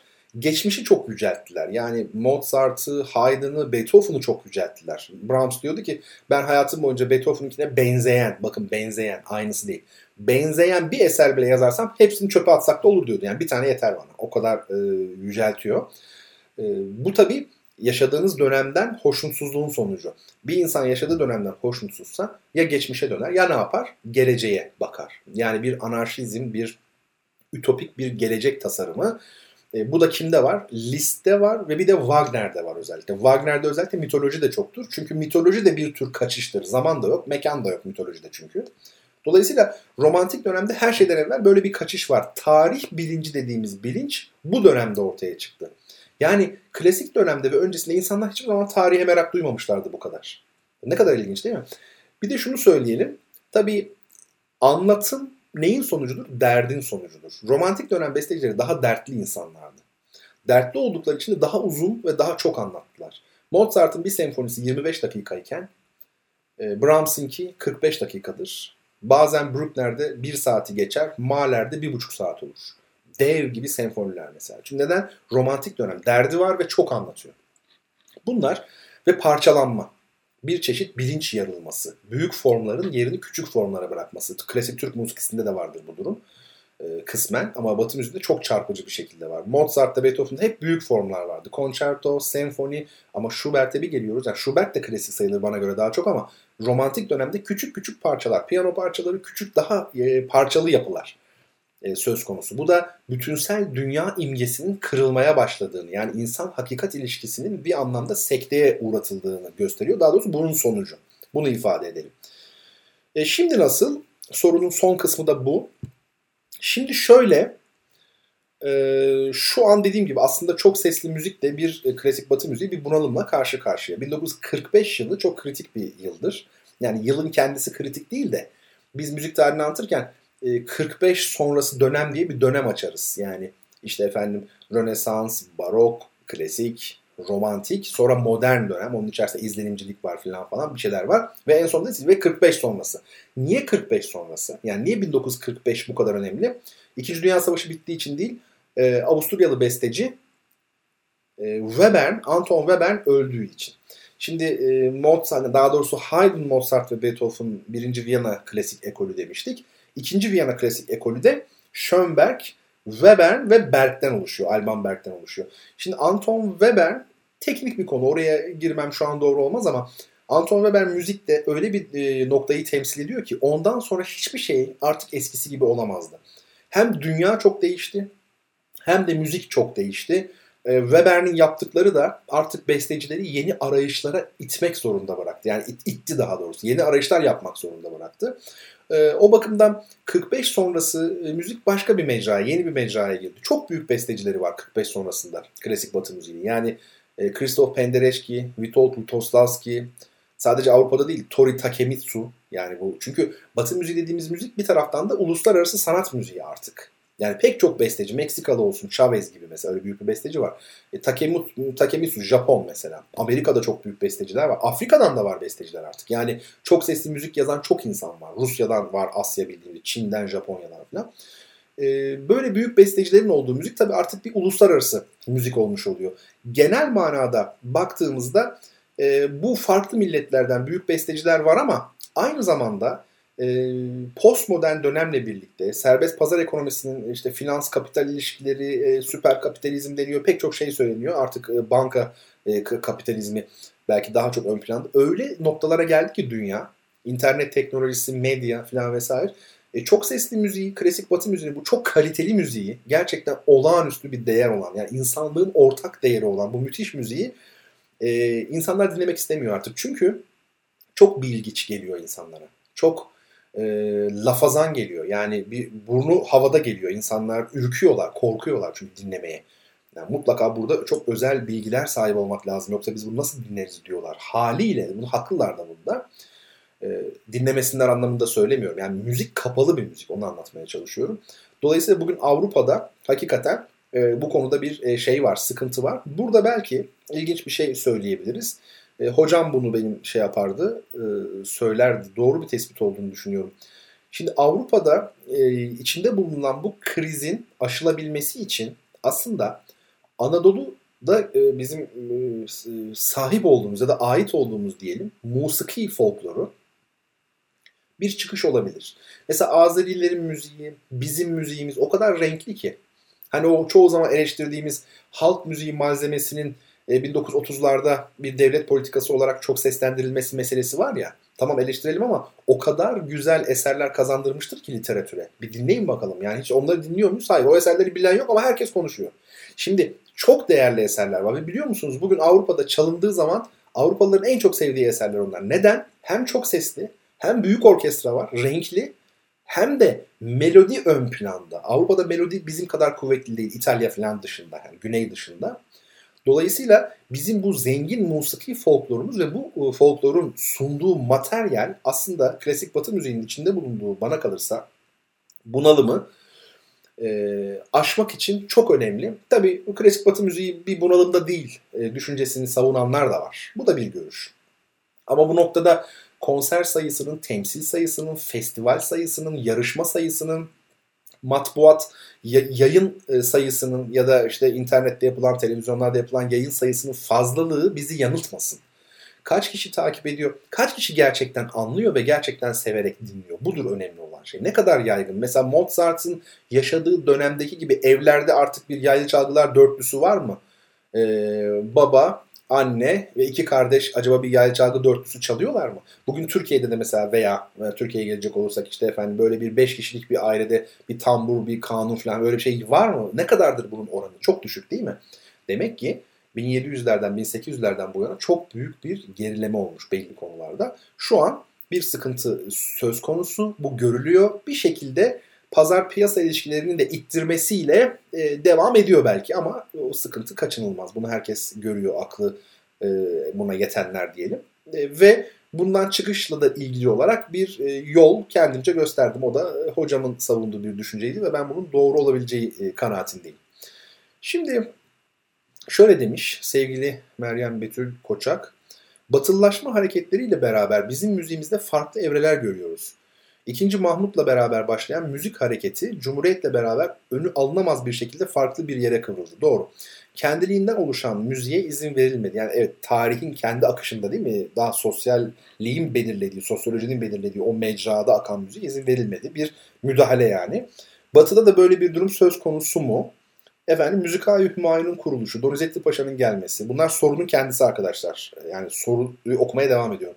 Hacı Arif, ve Şevki Beylerle beraber değişen şarkı formu, Darül Elhan'ın ders programının batılılaşması, halk ezgilerinin toplanıp batı ile armonize edilme sorunu. İşte aslında kısmen cevap verdik. Tekkelerin kapatılması ve alfabe değişikliğiyle gelenekten kopuş 1934 radyo yasağı, kantoların, tangoların gelişi ve benzeri durumlar söz konusu demiş. Parantez içinde yazmış bunları sevgili Betül. evet e, bu tabii e, uzun bir cevabı hak ediyor. Aslında belki de bunun cevabını ben bir önceki soruda vermiş oldum. Çünkü bütün konular birbiriyle ilgili. Yine de bu soruya da bakarız. E, bunu bir sonraki bölümde yapalım. Şimdi e, şey size bir soru sorayım ben. Soru zamanı geldi. Kitap hediyeli soru. Soru şöyle. Hangisi Türk marşı bestelememiştir? Yani Türk marşı bestelemeyen besteci hangisidir? Size 5 tane besteci söyleyeceğim. Mozart, Mussorgsky, Tchaikovsky, Louis, Beethoven. Mozart, Mussorgsky, Tchaikovsky, Louis ve Beethoven. Bu bestecilerden birinin Türk marşı yok. Hepsinin var. Hangi bestecinin? Bunu Bertan Rona Twitter hesabına lütfen yazın. Yazan ilk kişi olduğunuzda da biz kitabınızı size gönderelim. Ee, şimdi müzik arası vereceğiz. Ondan sonra devam edeceğiz. Müzik nedir? Gabriel Fauré, Fransız besteci Fauré'nin Sicilyan yani Sicilyalı gibi bir anlama geliyor herhalde. Ee, violonsel ve piyano versiyonu dinleyeceğiz bu eserin. Oldukça güzel. Bu gece çok hoş müzikler var hakikaten. Dinleyelim. Arkasından programımızın e, ilerleyen bölümleriyle birlikte olalım.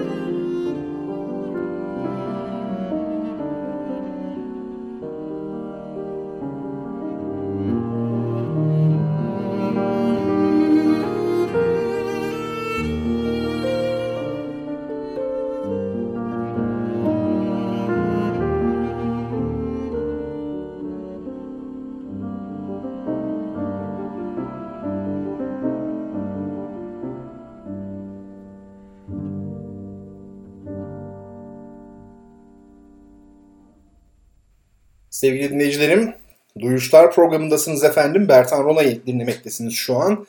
Ben Deniz bu programı, Duyuşlar programını sizler için hazırlıyorum ve her hafta çarşamba geceleri saat 22'de sunmaya çalışıyorum. Müzik, sanat, edebiyat, felsefe, dil, kültür ve hayat dolu bir program Duyuşlar.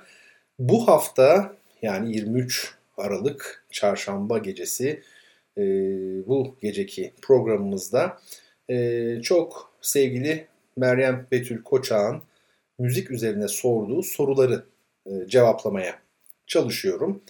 Kendisi epeyce bir e, soru sormuş. Hikayesini de aslında anlattım. Daha evvel e, bir sorusu vardı. Ben onu cevaplamayı bir şekilde atlamışım.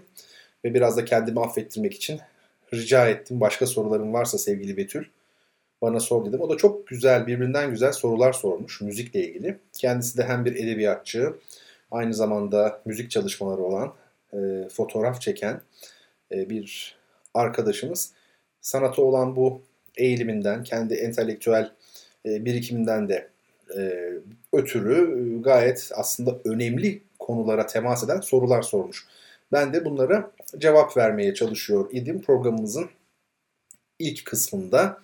Bu şekilde ilerledik. İki güzel de müzik dinledik. Biri Debussy'nin Rüya adlı kompozisyon, öbürü de Fore'nin e, Sicilyalı yani Sicilyan herhalde o demek.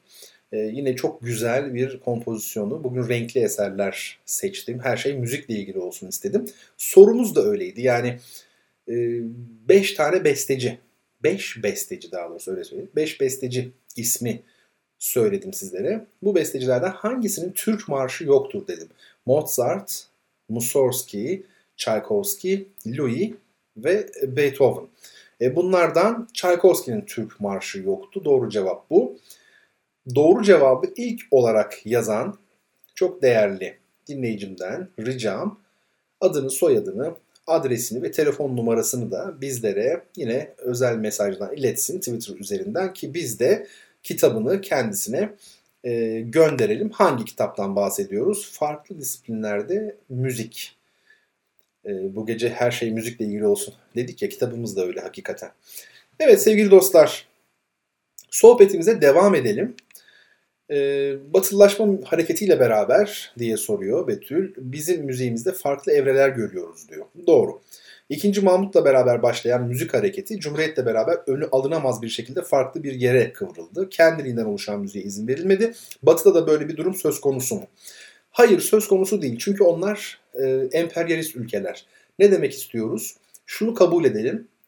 E, Rönesans sonrası ve özellikle de Amerika'nın keşfiyle birlikte yani dünyanın e, nabzının attığı yerin ana ticaret ekseninin öyle söyleyeyim denizciliğin merkezinin Atlas Okyanusu'na kaymasıyla birlikte Akdeniz'den Atlas'a kaymasıyla birlikte dünyada her şey değişti. E, NATO diyoruz mesela değil mi? North Atlantic, Kuzey Atlantik bakın değil mi? Yani Atlas Okyanusu ile ilgili bir şey var. Çünkü en uzağa kim gitti? Bilimde en ileri olanlar, en iyi gemileri yapanlar, en iyi ölçüm yapabilenler, en iyi matematik bilenler gittiler. Yani Avrupalılar Amerika'yı keşfettiği an aslında öne geçmişlerdi. Yani Doğu dünyasına karşı üstünlüğü ele geçirmeye başlamışlardı. Onu demek istiyorum. Dolayısıyla daha sonra daha da ilerlediler ve bütün dünyaya hükmetmeye başladılar. Bu Japonya'sından Çin'ine kadar, Afrika'sından Avustralya'sına kadar, Amerika'ya, kuzey ve güney fark etmez. Varıncaya dek ele geçirdiler. Belli yerler biraz korunabildi. Belki Rusya, belki Çin gibi. Onlar da kendi güçlerinden ötürü. Avrupa zaten tamamen Amerika Birleşik Devletleri'nin sömürgesidir bana kalırsa. Yani çünkü kapitalizmin işletildiği yerler buralar. İkinci Dünya Savaşı'ndan sonra Amerika tarafından mamur hale getirilmiş yerler. O bakımdan şunu ifade etmekte e, fayda var. Osmanlı gibi ya da Çarlık Rusyası gibi ya da e, Japonya gibi büyük imparatorluklar hala kendilerine özgü yani Asya tipi üretim tarzıyla da olsa aslında feodal geleneği, feodal üretim ilişkilerini daha doğrusu devam ettiren toplumlar e, sanayi kapitalizmini dışarıdan bir e, zorlamayla, bir acı reçete gibi aslında yutmak zorunda kaldılar. Öyle değil mi? Yani biz e, Fransız devrimini e, yapan Avrupalıların feodaliteyi yıkıp yerine serbest pazar ekonomisini geçirdikleri gibi yapmadık 1923'teki cumhuriyeti. O şekilde kurmadık. Ee, Doğu ülkeleri aslında Asya tipi üretim denilen çok daha farklı bir üretim modeline aynı zamanda dini inançlar bakımından da çok kuvvetli bir tevhid ilkesine sahipti aslında. Bu büyük oranda Ortodokslarda yani büyük oranda değil ama Ortodoks Rusya'da da gördük ama özellikle Çin'de ve Japonya'da çoktur. İslam'da zaten var. Yani İslam'a kıyasla söyledim zaten. Dolayısıyla e, bambaşka bir dünyaydı fakat e, emperyalizmin büyük gücüyle bizler e, bu devrimleri gerçekleştirdik. İşte Osmanlı İmparatorluğu parçalandı parçalandı. Bu ne kadar güçsüz düştüğünü gösteriyor aslında. Ve en son elde işte bugünkü Türkiye toprakları ya da misak-ı milli dediğimiz yer her neyse kalmış oldu. Ve burada bir e, cumhuriyet söz konusu oldu. Cumhuriyet kuruldu ama burada asıl olan feodal üretim ilişkilerinin tasfiye edilip yerine kapitalizmin hani kırık dökük. Bugün hala Türkiye tam bir kapitalist ülke mi tartışılır. Mesela gerçek kapitalist bir ülkede devlet bu kadar ön planda olur mu? Bence olmaz. Mesela Hollanda'da bir genç sokakta yürüyen Cumhurbaşkanı'nın adını bilmez, tanımaz. Yani ilgilenmez siyasetle. Biz hem çok siyasiyiz, devlet hayatımızın her alanında var. Bu hep Asya tipi üretim tarzının uzantıları aslına bakarsanız. Dolayısıyla bu koşullar altında hani e, ciddi manada bir kendiliğindenlik zaten bekleyemezsiniz. E, dışarıdan giydirilme bir değişiklik gerçekleşecekti zaten. Zorunlu olarak gerçekleşecekti. Ve gerçekleşti. Bu kültür, kültürde özellikle müzik ve dil konusunda çok sert bir şekilde gerçekleşti. Neden öyle? Çünkü ümmetçi bir yapı artık tasfiye edilmişti. Yerine bir ulus devlet modeli kurulmaya çalışılıyordu. E, zaten ulus devlet modeli kapitalizmle birlikte var olmuştur. Bütün Avrupa'da da böyledir. E, fakat bu ulus devlet modeli e, tabii pek çok alanda kendini göstermeliydi. İşte kültürde bu müzik biri, biri dil oldu. Bu tabii sevgili Betül'ün e, söz ettiği gibi gelenekten ciddi anlamda bir kopuşu beraberinde getirdi. Fakat işin tuhaf tarafı bizde bu yeni dili konuşacak ya da yeni müziği yapacak bir burjuva sınıfı, buna önderlik edecek burjuva sınıfının tam anlamıyla olmaması. Yani burada bir yapaylık var elbette. Doğal olmayan bir şey var. Ama tarihte devrimler de vardır. Yani onlar da zannettiğimiz kadar e, tabii olmayan oluşumlar değildir. Yani değil mi? Dünya tarihine baktığımızda bu tür müdahaleler de söz konusu olmuş oluyor. Yani ben şunu söylüyorum. Üretim ilişkileri, yani kapitalizm bu şekilde e, Türkiye'ye yerleşti ya, e, Cumhuriyet kurulmasaydı bile klasik Türk musikisi yine gerileyecekti. Çünkü o müziği var eden insan modeli yok artık. Neden yok? Çünkü o üretim ilişkileri üzerinde var değiliz. Başka koşullarda yaşıyoruz. Yani toprak değişti, çiçek de değişecek. Bu kadar basit. Yani bugün bir işte efendim e, Zaharya'yı, bir Itri'yi falan bekleyemeyiz. Mümkün değil. O başka bir dünyaydı. Dolayısıyla problemi üretim ilişkilerinde aramak lazım. Öbür türlü yel değirmenleriyle kavga ediyor gibi oluruz. Neyse bu başka bir mesele tabii. E, şunu söyleyelim. Tabii çok e, radikal, çok keskin şeyler yapıldı. Ben kültürde devrim olacağına inananlardan değilim. Kültürde devrim olmaz. Yani Fransızların bir sabah kalkıp hadi bakalım hep beraber Çin kültürüne geçiyoruz. Artık Çinli gibi olduk. Yani bu nasıl olamazsa, olamayacak bir şeyse bizde de bir anda artık batılı değerleri benimsedik. Çok sesli müziğe geçtik. Hadi bakalım filan. Tabii ki söz konusu olamaz. Nitekim olamadı da büyük oranda. Ama yine toptancılığa dediğim gibi gitmemek lazım. Burada çok önemli işler yapıldı. Yani bugün bir Ulvi Cemal Erkin'in, Ahmet Adnan Saygun'un eserleri e, çok ciddi eserlerdir. Özellikle bazı eserleri dünya çapında büyük eserlerdir. Ve bu insanlar örnek alabilecekleri belki de hiç kimse hemen hemen olmadan eser yazdılar. Avrupa'nın karşısına, bin yıllık geleneği olan Avrupa'nın karşısına hiçbir müktesebatları olmadan çıktılar. Ee, tabii azımsamayayım müktesebatları yok derken evvelinde yani Debussy'nin öncesinde büyük Fransız besteciler var. Ee, Beethoven'ın öncesinde büyük Alman besteciler var ama bu saydığım isimlerin bizim bestecilerimizin öncesinde bu isimler yoktu. Böyle isimler yoktu.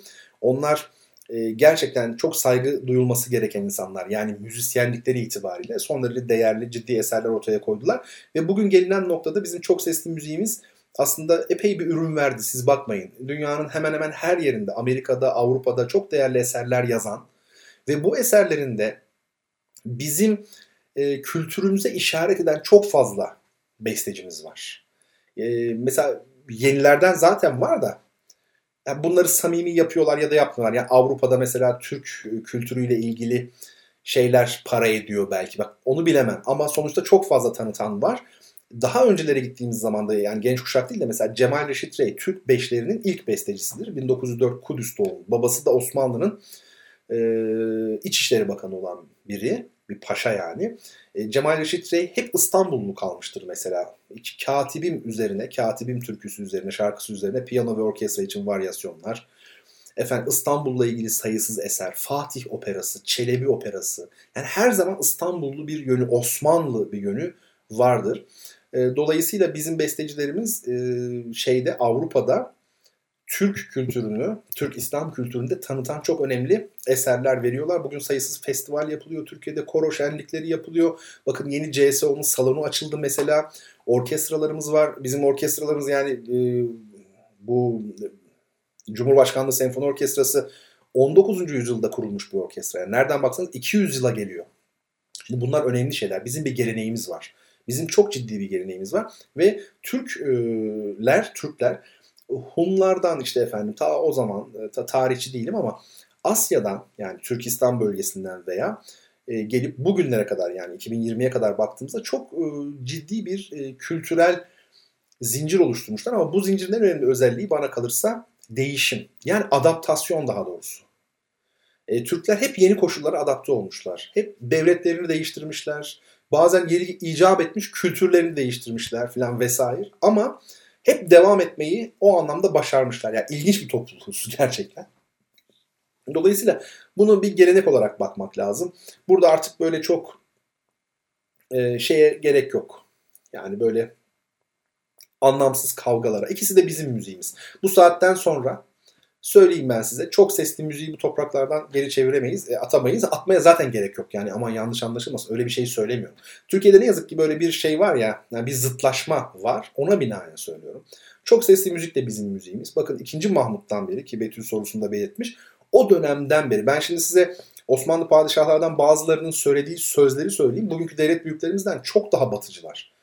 Sultan Abdülhamit, 2. Abdülhamit ben diyor e, müziği çok severim diyor. Musikiyi çok severim ama diyor bizim kendi musikimizden ziyade diyor batı müziğini severim diyor. Ve diyor iyi derecede diyor piyano, çok iyi derecede diyor keman çalarım diyor. Üç tane oğlu vardı biliyorsunuz. Hepsi şey çalıyordu yani violonsel, keman, viola falan beraber müzik yapıyorlar. Dinliyordu onları Sultan Abdülhamit. Ve özellikle de diyor operayı çok beğenirim diyor. Osmanlı padişahları operaya o kadar büyük ilgi göstermişler ki yani baktığımızda Tanzimat'tan bu yana Osmanlı padişahlarının tamamı çok daha batıya dönük. Şu anki bizim reflekslerimize göre daha batıya dönük. Zaten Osmanlı çok kozmopolitti. Biz Cumhuriyet'le beraber içe kapandık. Belki dünyadaki gelişmelerin de bunda etkisi oldu ama Osmanlı çok daha kozmopolitti. Biz şimdi ne çok sesli müziği e, düşman olarak göreceğiz ne tek sesli müziği. Ne yazık ki her iki camiada da böyle insanlar var. Hala var. Oysa ki e, bunlar yoldur. Bize bizim kendi inanç sistemimiz bir şey öğretiyor. O da şu. Hiçbir şeyin değeri kendi zatından kaynaklanmaz. Yani bunlar usullerdir. Çok sesli müzik e, ne yöntemi itibariyle değerlidir nedir? İşte tek sesli müzik kendi yöntemi. Ya yani tek sesli olmak ya da çok sesli olmak değildir mesele. Mesele sanatta güzeli ortaya koymaktır. E, ilahi olanı belki ortaya koymaktır. Kelimelerle anlatılamayanı müzikte ortaya koymaktır. Biri bunu çok seslilikle yapar. Bunlar teknik olarak konuşuruz tabii. Biri tek seslilikle yapar. Yani ikisi de artık bizim e, milletimize mal olmuştur. Osmanlı eğer e, mücadeleyi kazansaydı yani Avrupalıların galebe çalması gibi Osmanlı galip gelseydi bir düşünelim. Bugün emin olun Danimarka'da, Fransa'da konservatuarlarda Türk müziği öğretiliyor olurdu. Yani bugünün Amerika'sı biz olsaydık.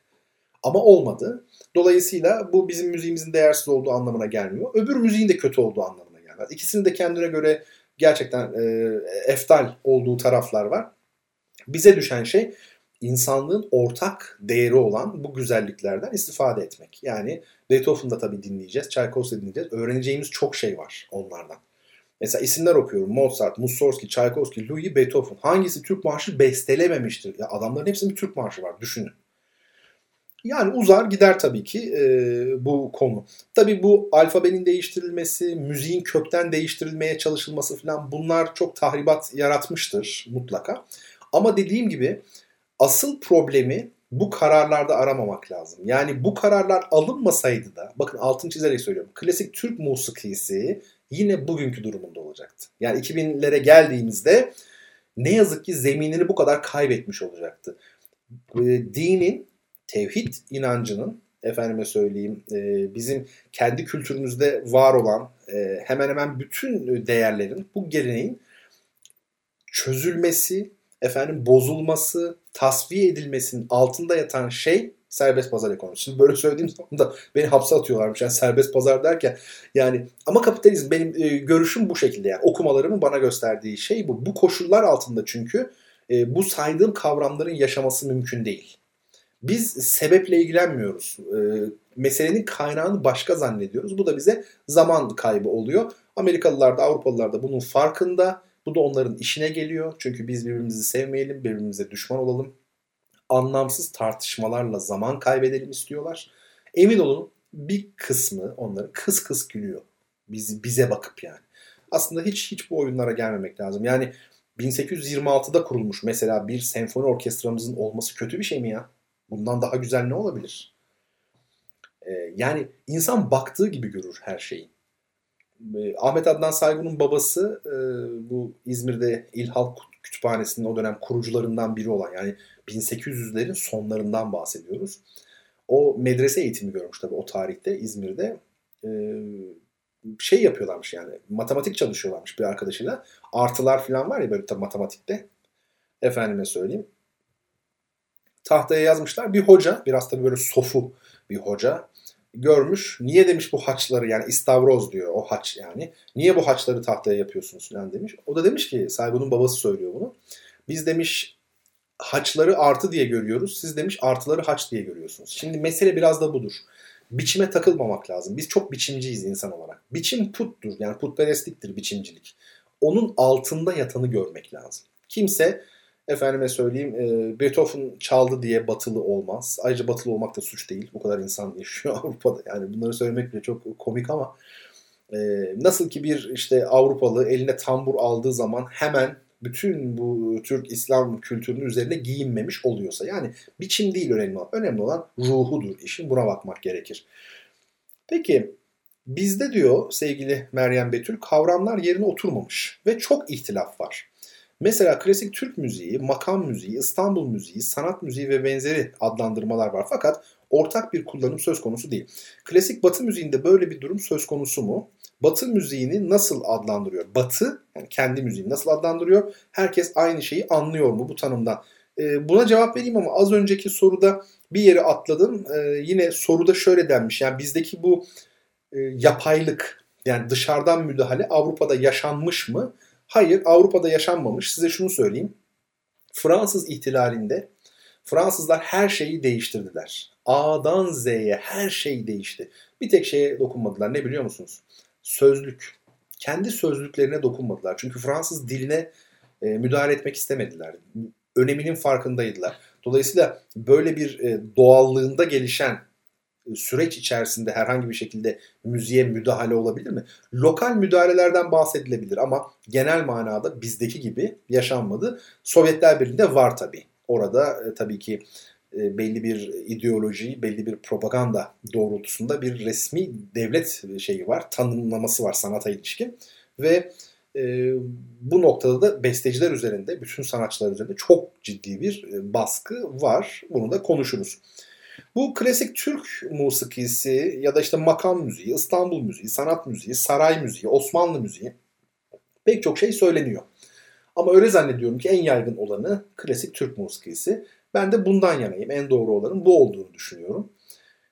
Ee, bu geçtiğimiz tabii yıllarda özellikle İstanbul müziği denilen bir e, yani İstanbul müziği nitelemesi ön plana çıktı. E, çok dillendirildi. Ben de bunun üzerine bir bildiri yazmıştım bir kongrede. Türk yani klasik Türk musikisi mi yoksa İstanbul müziği mi diye. Hatta geçenlerde de yine e, Afyon Kocatepe Üniversitesi Devlet Konservatuvarı'nın online etkinliklerinden birinde bu meseleye temas ettim. Bu gece de aslında bir e, yine online etkinlik olacaktı ama onu yarın yapacağız. Onu da duyurusunu yapayım buradan. E, isteyen dostlar olursa bana ulaşsınlar. Ben gerçi ulaşmanıza gerek yok. Ben zaten Twitter'dan şeyi bu linki paylaşacağım. Zoom görüşmesi olacak linki paylaşırım. İsteyen arzu eden katılabilir elbette. Burada da şeyi anlatacağım. Bu Cumhurbaşkanlığı tarafından bana sipariş edilen e, Mimar Sinan Operası, Koca Sinan Operası ile ilgili e, gelişmeleri yani nasıl sipariş edildiği, o süreç hem de Sinan'la ilgili neler e, düşünüyorum, ne okudum, e, eseri nasıl yazacağım, hangi düşünceye dayandırdım, nasıl yazdım daha doğrusu bunları da e, şey yapacağım, anlatacağım. Yarın saat 8'de bilginiz olsun. E, bugün ertelendi. Hakikaten her işte bir hayır var. Zorlanacaktım yani. Hem radyo programı hem o. Biraz yorgunluk var, uykusuzluk. Hani şey çok ciddi uykusuzluk var aslında. E, sıkıntı olurdu hakikaten. E, bunu da duyurayım. Şimdi bu, bununla ilgili yani Türk musikisi İstanbul müziği ile ilgili bir şey yaptım yani işte dediğim gibi bildiri onu orada sundum kongrede. Aynı zamanda bir toplantıda da burada konferans şeklinde anlatmıştım. Burada çok uzatmayayım o bakımdan. Hem e, değerli dinleyicilerimizden isteyen olursa yine bana ulaşsınlar. Ben o bildiri metnini komple gönderirim. Neler söylediğimi orada görürsünüz. Ee, sevgili Betül de isterse tabii ki e, onunla da paylaşırım ki o zaten isteyecektir. Şimdi burada şu var. Kısaca şunu söyleyeyim. Ben İstanbul müziğinin nitelemesini doğru bulmuyorum. Ben e, klasik Türk musikisinin en doğrusu olduğunu düşünüyorum. Bunun pek çok dayanağı var. Ama e, bildiri metninde ayrıntılarıyla anlattığım o konulara dediğim gibi şimdi girmeyeceğim. Sadece şunu söyleyeyim. Yani İstanbul fethedilmeden önce bu müzik yok muydu? Klasik Türk musikisi. Elbette vardı. Belki artık çok fazla dillendiriliyor ama e, efendime söyleyeyim Hüseyin Saadettin Arel'in Türk Musikisi Kimindir adlı kitabı. Daha doğrusu bir takım yazılardan oluşan, tefrika edilmiş yazılardan oluşan, daha sonra kitaplaştırılan bir çalışma. Orada diyor ki e, İstanbul'un fethinden önceki bir dönemde yani Sultan e, Fatih Sultan Mehmet'in babası 2. Murat, Sultan 2. Murad'ın bir meclisinde, bir işte akşam sohbet ortamında e, orada Hızır Ağa, bestekar Hızır Ağa'ya diyor ki bir Edvar kitabı, Edvar dediğimiz müzik teorisi diyelim biz öyle herkes anlasın bir Edvar kitabı e, telif edesüz. Yani bir Edvar kitabı yazsanız ne güzel olur. Müzik teorisi kitabı. Herkes buradan istifade etse bu şeyden falan. O da diyor ki e, hünkârımın emri başımın üstündedir. Ancak diyor bu mecliste diyor benden daha liyakatli 7 tane büyük bestekar üstad varken benim haddime mi düşmüş ben böyle bir müzik teorisi kitabı yazayım. Şimdi düşünün İstanbul'un fethinden evvel devlet başkanı diyelim hadi biz sultanın olduğu ortamda Hızır Ağa ile birlikte 8 besteci var ve hepsi müzik teorisi kitabı yazmaya ehil ve devlet başkanı e, e, sipariş veriyor. Bir tane yaz diyor. Şimdi bu inanılmaz bir seviyeyi gösteriyor. Yani İstanbul'un fethinden önce de aslında bu topraklarda musiki kültürünün ne durumda olduğunu gösteriyor ki zaten ta Farabi'ye kadar değil mi yani? Abdülkadir Meragi'den de önce yani Farabi ile başlatılır belki e, klasik Türk musikisi. Saat 23. Dü Şems. Bilgisayarımın sesini duydunuz mu? Dü Şems değil mi? O Farabi'ye atfedilen tabii ona mal edilen bir şey. Beste. Dolayısıyla bu topraklarda hep vardı. Yani İstanbul bir de adlandırma olarak baktığımızda mesela şehir kültürü ve standartlar bakımından yaklaştığımızda biz İstanbulca mı diyoruz? Şimdi Türkçenin e, standart ağzı hangisi? İstanbul ağzı. Değil mi yani Türkçe? Ama biz Türkçe'ye İstanbulca demiyoruz. Veya Hanoverce denmiyor Almanca'ya. Parisçe denmiyor Fransızca'ya. Ee, değil mi? Tıpkı bunun gibi. Veya Osmanlı müziği diyenler var. Avrupa'da siz hiç müziğe Bourbon, e, Burgonya müziği yani ya da Hof, Hofburg müziği, Hofburg hanedanı var ya ya da Rusya'da Romanov müziği. Hayır, hanedana nispet edilmemiş hiçbir zaman. Efendime söyleyeyim. Ee, bu açılardan baktığımızda hiçbiri doğru değil. Doğru olan bana kalırsa klasik Türk musikisi. Çünkü Türk dediğimiz zaman aslında Müslümanı da kastediyoruz. İslam da var içinde. Türk demek zaten aslında neredeyse İslam'la Müslüman'la eş. Çünkü mesela hakimiyet kayıtsız şartsız milletindir var ya onu da insanlar yani çok tuhafız. Kelimelerin de bizler gibi zaman içerisinde anlam değiştirebileceğini yani değişikliklere uğrayabileceğini düşünmüyoruz. Egemenlik kayıtsız şartsız milletindir ifadesindeki millet e, ulus değil. Yani modern ulus var ya işte Türk ulusu, Türk milleti. Hayır orada e, Müslümanlar kastediliyor. Yani ümmet kastediliyor. Normalde millet ümmet demekti bir zamanlar. Tam tersiydi yani. Ümmet de millet demek. Türk ümmeti diyorlardı mesela. Ve İslam milleti diyorlardı. Bakın bu geçer yani şeyde Mehmet Akif Ersoy'da falan. E, ama egemenlik kayıtsız milletindir ne demek? Müslümanlarındır anlamına geliyor. Fakat bugün tabii zannediyoruz ki bugünkü manada kullanılmış. Onun gibi böyle bir şeyler vardır her zaman e, anlam kaymaları. Avrupa'da Türk demek Türk enfidel. Yani kafir demektir. Kafir. Yani Hristiyan olmayan Avrupalıların bakış açısına göre Hristiyan olmayan kimdir? Kafirdir. Kafir ne demek? Benim dinimden olmayan demekse eğer o zaman Hristiyanlara göre kafir kim oluyor? Müslümanlar oluyor ve onların e, kullandıkları ifade aslında yazılı belgelerde Orta Çağ'dan itibaren Türk enfidel yani Müslüman kafir. Olur ya Yahudi kafir de olur işte başka kafir de olur. Dolayısıyla Türk kelimesi e, kafirle eş. Bizde de zaten böyle olmamış mı? Bakın dikkat edin gavur diyoruz gavur. Gavur denildiği zaman hani bizim böyle dedelerimiz, anneannelerimiz derdi ya gavur diye. Gavur ne demek? Gavur deyince Avrupalı yani yabancı değil mi? Yani Müslüman olmayan aslında ifade ediyor. Yabancı, Hristiyan ifade. İşte o kafir kelimesinin bozulmuş hali. Halk ağzında. Kafir, kafir, gavur olmuş. Dolayısıyla değişen bir şey yok. Biz de yabancıya gavur demişiz. Onlar da Türkiye kafir demiş. A- aynı şey olmuş oluyor. O bakımdan e, Akdeniz havzasında bir e, Batı medeniyeti yani Hristiyan Batı medeniyeti vardı bir de Türk İslam medeniyeti vardı. Bu ikisi dengeli bir şekilde birbiriyle karşıt belki değerleri temsil eden iki güç idi.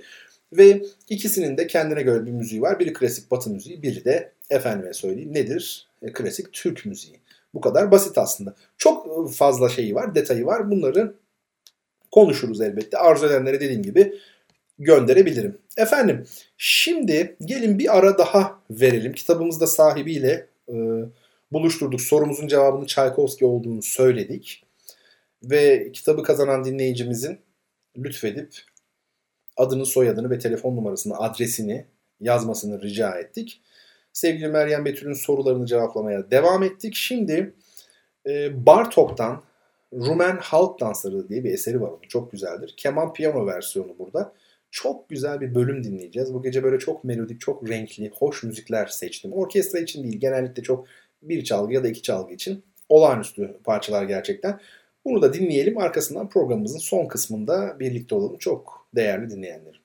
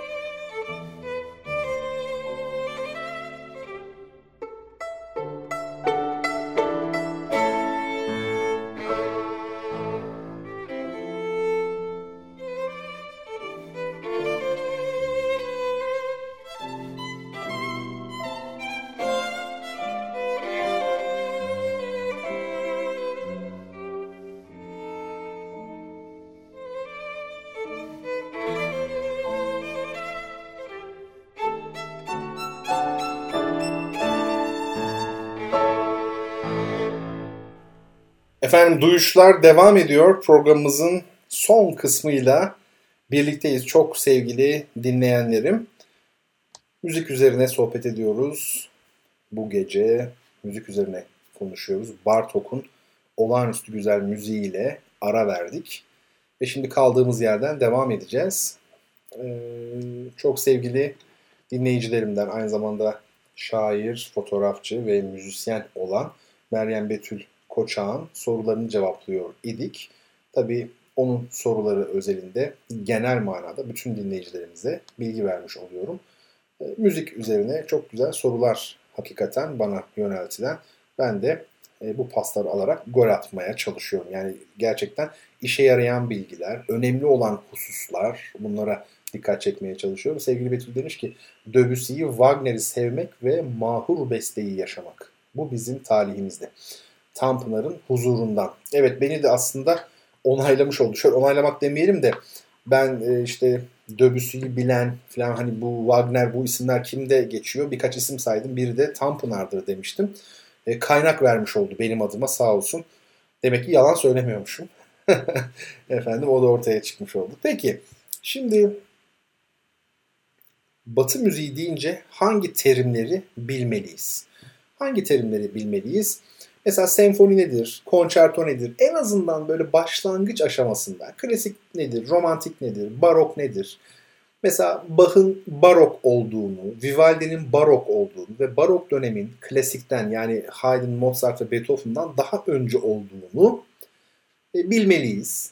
Sadece tabii Bach değil, Vivaldi değil barok olan. Ramo o da barok. Scarlatti o da barok. Yani dört mesela besteci bunları bilsek şimdilik yeter.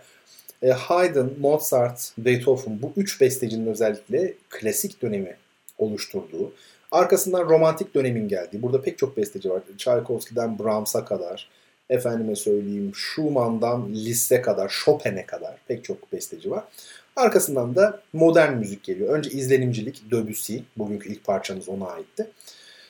Bunları bilmeliyiz. Senfoni, konçerto gibi, opera, operet gibi, oratoryo gibi bazı e, formları hiç olmazsa temel manada bilmemiz gerekir. Yani e, konçertoyu senfoniden ayıran şey nedir? Bunları bilmek gerekir. Onun dışında tabi bazı müzik terimleri mesela allegro ne demektir, andante ne demektir? Bunlar tempo ile ilgili terimler tabi. Hızlı çalınacak veya yavaş çalınacak veya orta tempoda çalınacak gibi. Bunları bilmek gerekir. Sadece ifadeyle bunlar değil yani ifadeyle de ilgili terimler var. Onların dolce mesela tatlı çalmak ya da presto yani presto çok hızlı agitato hani agitatif bir şekilde coşturucu bir şekilde çalmak mesela canlı. Mesela allegro vivo allegro yani yürüme temposunda hızlıca öyle diyelim ve vivo canlı. Ve bunları bilmek tabii ki e, gayet iyi olur. Mesela partitur ne demektir? Partitur orkestra şefinin önündeki notaya denir.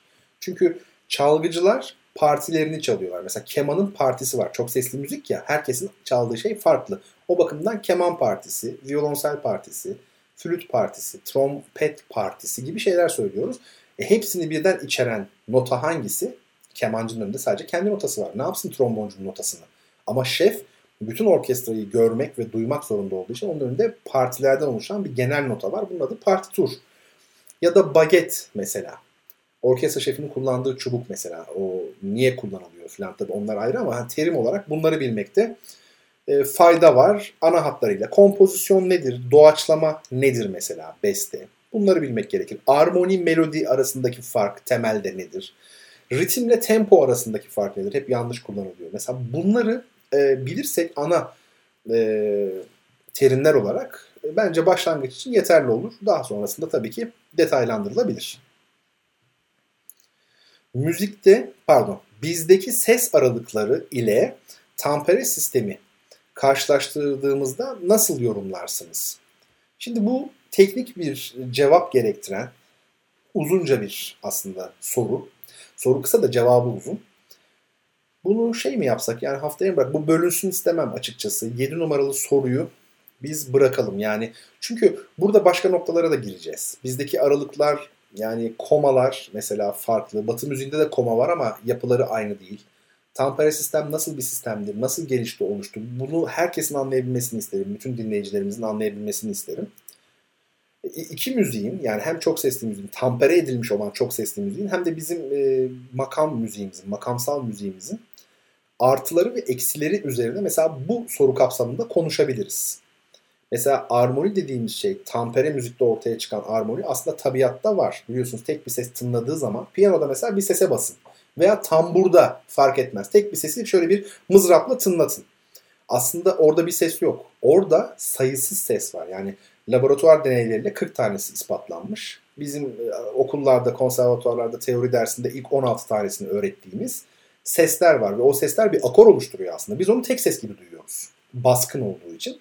Dolayısıyla e, çok sesli müziğin teorisyenleri diyorlar ki tabiatta bizim müziğimiz var. Yani tabii olan, doğal olan bizim müziğimiz deniyor.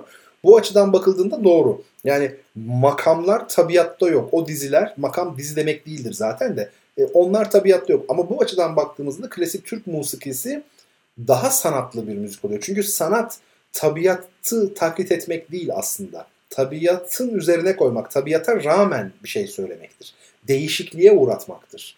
Yani bu ilginç bir tespit. Daha evvel herhangi bir yerde karşılaşmadım. Hiçbir e, müzik felsefesi kitabında ya da bir müzikologun bunu söylediğini bilmiyorum. Bu benim yıllardır düşündüğüm bir şey. Çünkü makam dizileri tabiatta var olan şeyler değil. Tamamen e, onu oluşturan insanların e, tahayyülleri sonucunda ortaya çıkmış bir şey. Ama dediğim gibi e, akor öyle değil. Çünkü tabiatta var, doğada var. Bu bakımdan tek sesli müzik olan e, klasik Türk musikisinin daha sanatlı olduğunu söyleyebiliriz. Yani bu şuna benziyor işte perspektif, insan gözü nasıl görüyorsa perspektifli resimde de bu var. Ama minyatürlerde perspektif yok. Fakat aslında daha kapsayıcı, daha çok boyutlu bir anlayış var. Böyle bir mukayese yapılabilir ama armoninin çok büyük bir derinliği var tabii çok sesli müziğin. O hiç şüphesiz ona üstünlük veren o zaten yani onun e, alameti farikası ayırt edici niteliği. Bunları tabii konuşuruz. Bu ikinci pardon 7 numaralı soru bu. Bu 7 numaralı e, soruya daha geniş bir e, cevap verilebilir. E, müziğimizde uygulanan çok seslilik mevzuunda ne düşünüyorsunuz? Bu tabii bireysel yeterlilikle ilgilidir. Her besteci aynı kalitede yapamaz. Şimdi mesela bizim türkülerimizin çok seslendirildiğini biliyoruz. O kadar kötü örnekleri var ki size anlatamam. Ee, belki de bu örneklerin de etkisiyle şu düşünce çok dile getirilmiş. Ya bizim halk müziğimiz çok sesli olmuyor kardeşim zorlamayın diye. Ama ben size bir örnek vereyim. Cemal Reşit Rey'in Bugün Ayın 14'ü diye bir türkü düzenlemesi vardır. Piyano ve soprano için. Böyle bir güzellik olamaz. O kadar muhteşem bir çok seslilik ki bu.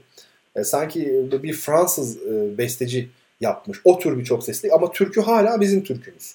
Ha siz bunu bulursunuz, dinlersiniz. Ya hocam o kadar da güzel değil dersiniz ama diyelim ki soprano belki güzel söylemiyordur. O sizi etkiliyordur. Onlara aldanmamak gerekir. Ya da çok sesli müzik kültürünüz pek yoktur. Kültürden kastım hani çok fazla dinlememişsinizdir. Oradaki armoninin inceliğini belki e, net bir şekilde algılayamazsınız. Bu bakımdan da ilginizi çekmeyebilir. Fakat olağanüstü bir düzenleme olduğunu ben size söyleyebilirim. İşte bakın çok başarılı bir örneği var. Dolayısıyla bunun iyi örneği de var, kötü örneği de var.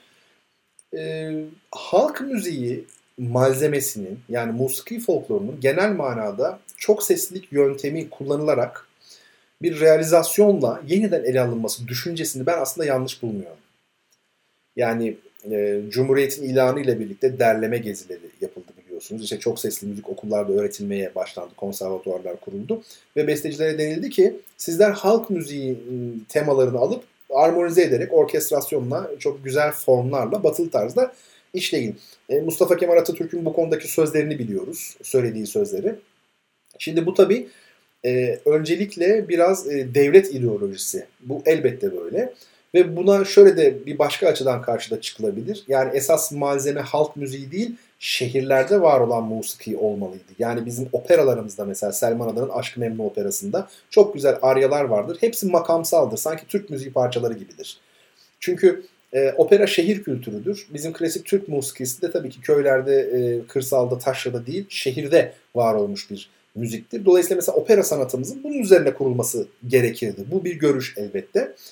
E, Sovyetler Birliği'nde de biliyorsunuz resmi ideoloji diyor ki efendim şeyi besteleyeceksiniz.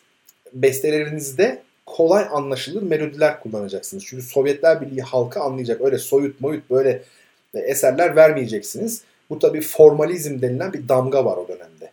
E, bu tür bestecilere ve sanatçılara sen formalist misin? O dönemde formalist demek aslında sanat felsefesi açısından bir e, sıfat değil adeta bir siyasi etiket ve yafta. Bu yapıştırıldığı zaman size haliniz duman. Siz burjuvazinin Amerika'nın uşağı oluyorsunuz bir anda formalizmden dolayı. Düşünebiliyor musunuz? Şimdi tabii Cumhuriyet'in ilk döneminde de e, yine Sovyet Rusya ile benzer şeyler yok değil. Yani bir halkçılık, kuvvetli bir halkçılık eğilimi söz konusu. E, bir ülkü var, bir dava var. Bu davaya giden yolda kültüre ve sanata düşen bir görev var, müziğe düşen görev var. Bu kapsamda halk müziğinin çok seslendirilmesi e, söz konusu. Bu konuda çok çok güzel örnekler verilmiştir dediğim gibi. Olağanüstü güzel örnekler. Ancak burada esas zirve nedir biliyor musunuz? Bir halk müziği parçasının, bir türkünün mesela çok seslendirilmesi falan meselesi değildir.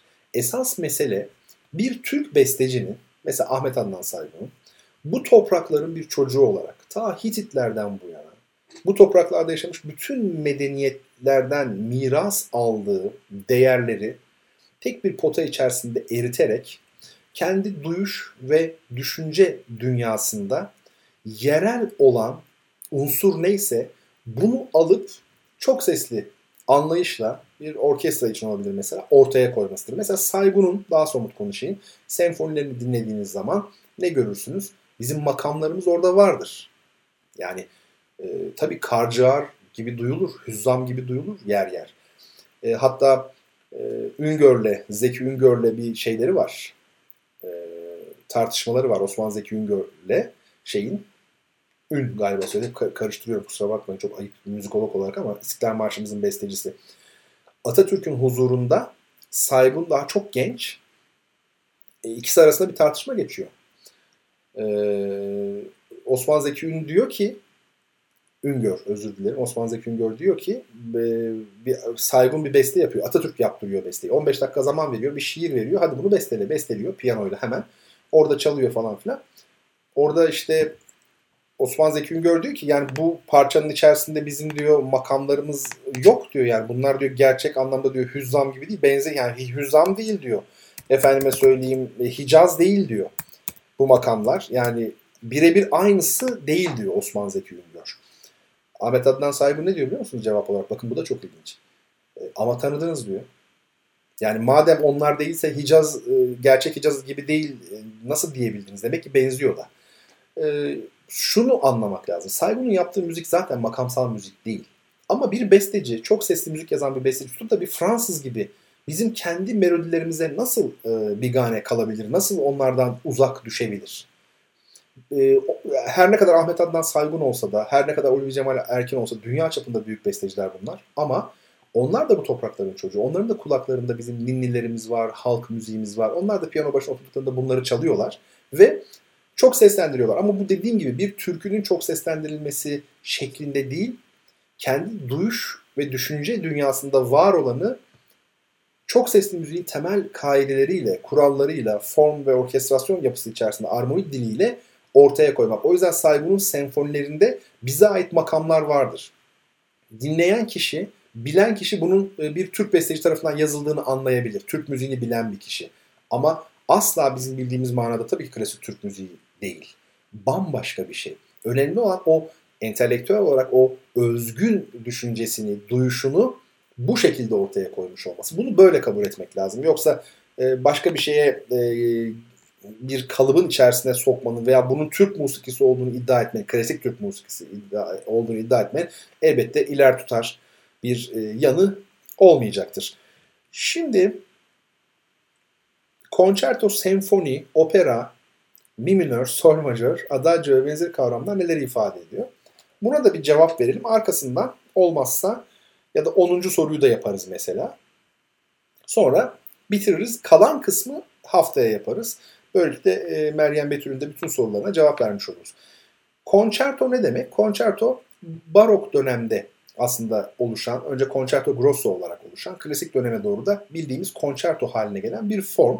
Bu formun özelliği ön planda solist bir çalgının olması ve orkestranın da bu çalgıya eşlik etmesi.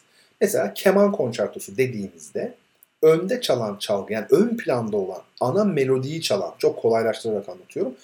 Esas melodiyi çalan bir çalgı var, solo çalgı var. Keman konçertosuysa bu çalgı keman. Flüt konçertosuysa mesela Vivaldi'nin flüt konçertoları var meşhur. Ön planda ne var demektir? Flüt var demektir. Orkestra ne yapıyor? Orkestra ona eşlik ediyor. Ama siz dinlerken bir flüt konçertosu hemen flüt girmez. Önce bir orkestral giriş yapar müzik. Bir orkestra girer. Sonra flüt solo olarak çalmaya başlar. Alt tarafta eşlik eden, kendisine eşlik eden orkestra. Konçertonun temeli bu. Mantığı bu. Bir solist çalgı var ön planda. Yani o yüzden mesela violonselciler için violonsel repertuarındaki en önemli parçalar violonsel konçertolarıdır. Ya da bir piyanist için en önemli eserlerin büyük bir kısmı piyano konçertolarıdır. Grieg'in piyano konçertosu, Liszt'in piyano konçertosu, Chopin'in piyano konçertosu gibi. Rahmaninov'un, Tchaikovsky'nin. E, konçertonun esprisi bu. Senfonide ise solo bir çalgıyla karşılaşmıyoruz. Yer yer lokal geçişler olabilir ama senfonide bütün orkestra eşit ağırlıkta çalıyor. Yani besteci aslında bir çeşit meditasyon, düşünce işidir senfoni. Kendi duyuşunu ve düşüncelerini büyük orkestra ile ifade ediyor. Konçertodaki cambazlık, konçertodaki virtüözite gösterisi, e, konçertodaki show senfonide olmaz. O yüzden meditasyon dedim. Yani senfoni e, şova dönük, dışa dönük bir form değildir. Yanlış anlaşılmasın. Konçertoların hepsi böyle e, yani daha doğrusu hiçbir konçerto düşünce içermez, derinlik içermez demiyorum. Öyle konçertolar var ki aman yarabbi. Kastettiğim bu değil. Ama çıkışı itibariyle bakacak olursak, mantık olarak bakacak olursak konçertoda elbette ki bir cambazlık, bir şov var. Çünkü enstrümanda en iyi şekilde icra yapıyorsun. Bir virtuozite e, gösteriyorsun. Bravur efekt ortaya koyuyorsun ama senfoniler böyle değil tabii ki. Senfonide kaygı sadece müziktir.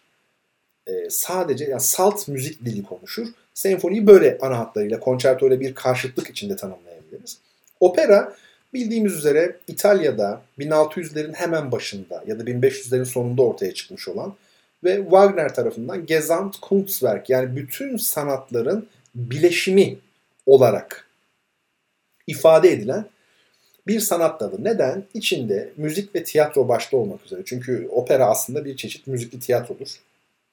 Ee, müzik ve tiyatro başta olmak üzere baktığımızda dekor, kostüm, ışık, aksesuar, efendime söyleyeyim makyaj, kundura, heykel, resim ne derseniz yani içinde yok yok. Gerçekten de Floransa'da, Avrupa'da e, gelişebilecek yani orada gelişebilirdi zaten opera ve orada gelişti. Opera opus kelimesinin çoğuludur. Opus e, ne demek opus? Eser demek. Opera eserler, işler. Çünkü içinde pek çok iş var gerçekten. Ve şunu ifade etmek lazım. Operada tabii yani bu sanatın icra edildiği ilk yerlerin yine aristokratların şatoları, sarayları olduğunu unutmamak lazım. Burada tabii sahneye çıkıyor şarkıcı ama elektronik bir imkan yok. Yani mikrofonla sesi büyütme imkanı yok. Dolayısıyla en arkadaki, uzaktaki dinleyiciye kadar sesin gitmesi lazım. İşte bu durumda şan tekniği devreye giriyor. Yani insan kendi vücudunu, bedenini daha doğrusu bir rezonans tahtası gibi kullanıp yani bağlamada, gitarda ses nereden çıkıyor? Telden çıkıyor. Tamburda nereden çıkıyor? Telden çıkıyor. E o zaman gerisi niye var? Salt tel olsaydı. Öyle değil işte. Siz teli çaldığınızda o kutu var ya kasası yani gövdesi çalgının. O da titreşiyor. Rezonans ilkesi gereğince. Dolayısıyla kendi bedenini, göğsünü şişirerek bir rezonans gibi kullanıyor şarkıcı ve kendi ağzı aslında bir çeşit delik oluyor. Bu gitardaki veya bağlamadaki delik gibi düşünelim. Bütün çalgılarda tabii var bu. Kemanda F delikleri dediğimiz F'ye benzeyen iki tane var ya karşılıklı. Dolayısıyla e, opera ile ilgili bunları söyleyelim şimdilik. Daha tabii detayı var. Opera Arya diyoruz mesela. Arya aslında hava, air var ya İngilizce buradan geliyor. Hava. E, bizim oranın havaları çok güzel olur diyor mesela amca konuşurken. Bizim köy, bizim memleketin havaları diyor. Hava tune yani İngilizcesi bu melodi anlamına gelir. Name bizim oranın makamları, havaları yani. Arya'nın ön planda olduğu, solistlerin adeta enstrümanlarla yarışır şekilde ses cambazlığı yaptı. Bel canto dönemi de özellikle bu ön plana çıkıyor. Ve daha sonra klasik dönemle birlikte yani Mozart'la birlikte yeni bir biçim alan ama esas zirve örneklerini romantik dönemde veren yani Verdi ile özellikle Puccini ile belki daha da ileride veren bir tarz. Hala hayatta Avrupa'da çok e, takip ediliyor. Artık müzikten ziyade reji ön plana geçmiş durumda. Çok detayı var. Bunları tabii konuşuruz. Opera ile ilgili şunu söyleyelim. Bir de Gluck opera ile ilgili büyük bir devrim e, gerçekleştirdi. Çünkü operada şarkıcıların aşırı derecede e, ses gösterisi yapması ve İtalyan halkının da nameyi, melodiyi çok sevmesi e, şarkıcıların çok ön plana geçmesine neden olmuştu. Öyle ki siz bir temsile gidiyorsunuz düşünün. Orada bir arya söylüyor bir şarkıcı. Çok alkışlanıyor. ısrar var. Alkış devam ediyor. Bir daha, bir daha, bir daha. Adam bir daha söylüyor. Tenor. Bir daha söylüyor. Bir daha. Yedi defa söylüyor aynı aryayı. E peki bu arada oyun ne oldu? Çünkü siz e, sadece bir konsere gitmediniz. Daha doğrusu konsere gitmediniz. Temsile gittiniz. Aslında bir tiyatro oyunu o. Müzikli. Dolayısıyla orada oyun durdu. Bakın siz orada bozdunuz dramatik yapıyı. E, dramı, dram dediğim şey metni oyunu durdurdunuz. O açıdan bakıldığında e, çok büyük dengesizlikler olmuştu. Özellikle bu İtalyan şarkıcıların kaprisleri falan vesaire bestecilerin de onlara karşı gelememesi. Yani operayı tiyatrodan soyup salt bir şova dönüştürmüştü. Alman besteci Gluck buna karşı çıktı ve dedi ki ben bundan sonra şarkıcılara böyle teknik, zor, gösteriş yapabilecekleri pasajlar yazmayacağım. Sadece müziği tiyatronun emrine vereceğim. Müzik ve tiyatro eşit ağırlıkta güzelce söyleyecekler, çalacaklar, oynayacaklar dedi. Büyük bir devrimdi bu. Mozart e, bunun üzerine kendi opera anlayışını geliştirdi. Gluck Mozart'tan bir yaklaşık 40-42 yaş büyüktür. E, dolayısıyla Gluck olmasaydı, bu devrim yapılmasaydı opera bugünkü hale gelmezdi. Çok derin konular. Her biri bir kitap konusu. Mi minör, sol majör bunlar tonalite isimleridir. E, soruda bunlar var. Mi minör, sol majör diye. Majör tonaliteler var, minör tonaliteler var. Mesela mi minörle tesadüf mü sevgili Betül bilmiyorum. Tesadüfen mi yazdın yoksa e, bilerek mi yazdın ama mi minörle sol majör akrabadır birbiriyle. İlgili minör, ilgili majör, karı koca gibi diyelim. Bugün hatta armoni dersinde karı koca olarak anlattım onları. Sol majör, mi minör mesela. Do majör, la minör. Bazıları re, fa majör, re minör gibi. Ee, mi bemol majör, do minör gibi. Yani akrabalık ilişkileri var. Bunlar tonalite isimleri. Eskiden bunlara dur deniyordu. Dur. Mesela Almanlar hala böyle yazar. La majörü A, A, La demektir. A dur diye yazar. Dur demek Latince durus. Durus ne biliyor musunuz? Bizdeki dürüst. Yani doğru olan. Çünkü majör doğru kabul ediliyordu. Minör arızi kabul ediliyordu. Adagio efendime söyleyeyim ağır tempo. İşte e, moderato orta tempo. Bunlar tempo ifadeleri. Neye göre belirliyoruz peki orta, yavaş, hızlı olmasını? Kalp atışına göre. Yani tarihsel süreçte böyle oluşmuş. Normalde bir insan kendi nabzından daha hızlı olan vuruşları, tempoları hızlı tempo olarak algılar. Daha yavaş olanları da yavaş tempo olarak algılar ama kendi nabzıyla eşit olanları da orta tempo olarak algılar. Bunlar eskiden metronom yoktu Avrupa'da. İşte bu ifadelerle anlatılıyordu. Adagio, andante. Sözlü kültür olduğu için herkes konserlerden biliyordu bunları. Ama belli bir tarihte Meltzer diye biri bir metronom geliştirdi ve bunun adı Meltzer metronom oldu. Artık Mersel metronomuyla ölçüyorsunuz hızını. Onu bir yazıyorsunuz. Ne andante yazsanız da olur, yazmasanız da olur. E, herkes metronomuyla artık cep telefonunda uygulama da var. Metronoma hızını ayarlayıp parçanın hızını milimetrik olarak öğrenebilir. Böyle kazanımları da var. Evet. Şimdi soruları cevaplamaya dilerseniz artık haftaya devam edelim. Bugün yeteri kadar e, cevaplamış olduk. 19 soru var. Kur'an-ı Kerim'de 19 mucizesi diye bir şeyler vardı bir zamanlar değil mi hatırlıyorsunuz. Böyle beyin fırtınası aklıma ilginç şeyler geliyor. Ee, bu 19 sorunun 10 tanesini cevaplamış olduk. Daha doğrusu 9'unu çünkü birini atladık veya yarım yamalak cevap verdik. Onları toparlarız yani üzerine ekleriz. Haftaya e, kaldığımız yerden devam ederiz. Şöyle bir baktım herhalde kitap hediyesini de alan kimse çıkmadı. Yani enteresan ona üzüldüm. Doğru cevabı aslında verebilirdiniz yani bu kadar zor olmasa gerek. Belki de yazıldı sonradan bilmiyorum ama Bakarız eğer e, yazan varsa cevabı e, kitabı hemen kendilerine kargolarız efendim.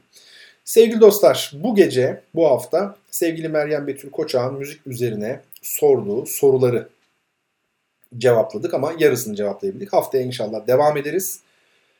Durum bundan ibaret. Ee, bana katlandığınız için teşekkür ediyorum efendim hepinize. Yarın dediğim gibi bu Mimar Sinan Operası'nın yazılışı süreciyle ilgili yani ve Mimar Sinan'la ilgili yani düşüncelerimi anlatacağım bir Zoom üzerinden. Bunu da paylaşacağım Twitter'dan linkini. Arzu edenler katılabilirler. Haftaya o zaman görüşmek dileğiyle diyelim. Umarım unuttuğum bir şey yoktur. 30 Aralık çarşamba gecesi saat 22'ye dek e, tabi eğer Allah sağlık sıhhat verirse efendim görüşmek üzere diyelim. Hepinizi Allah'a ısmarlıyorum. Hoşça kalın, esen kalın çok sevgili dinleyenler.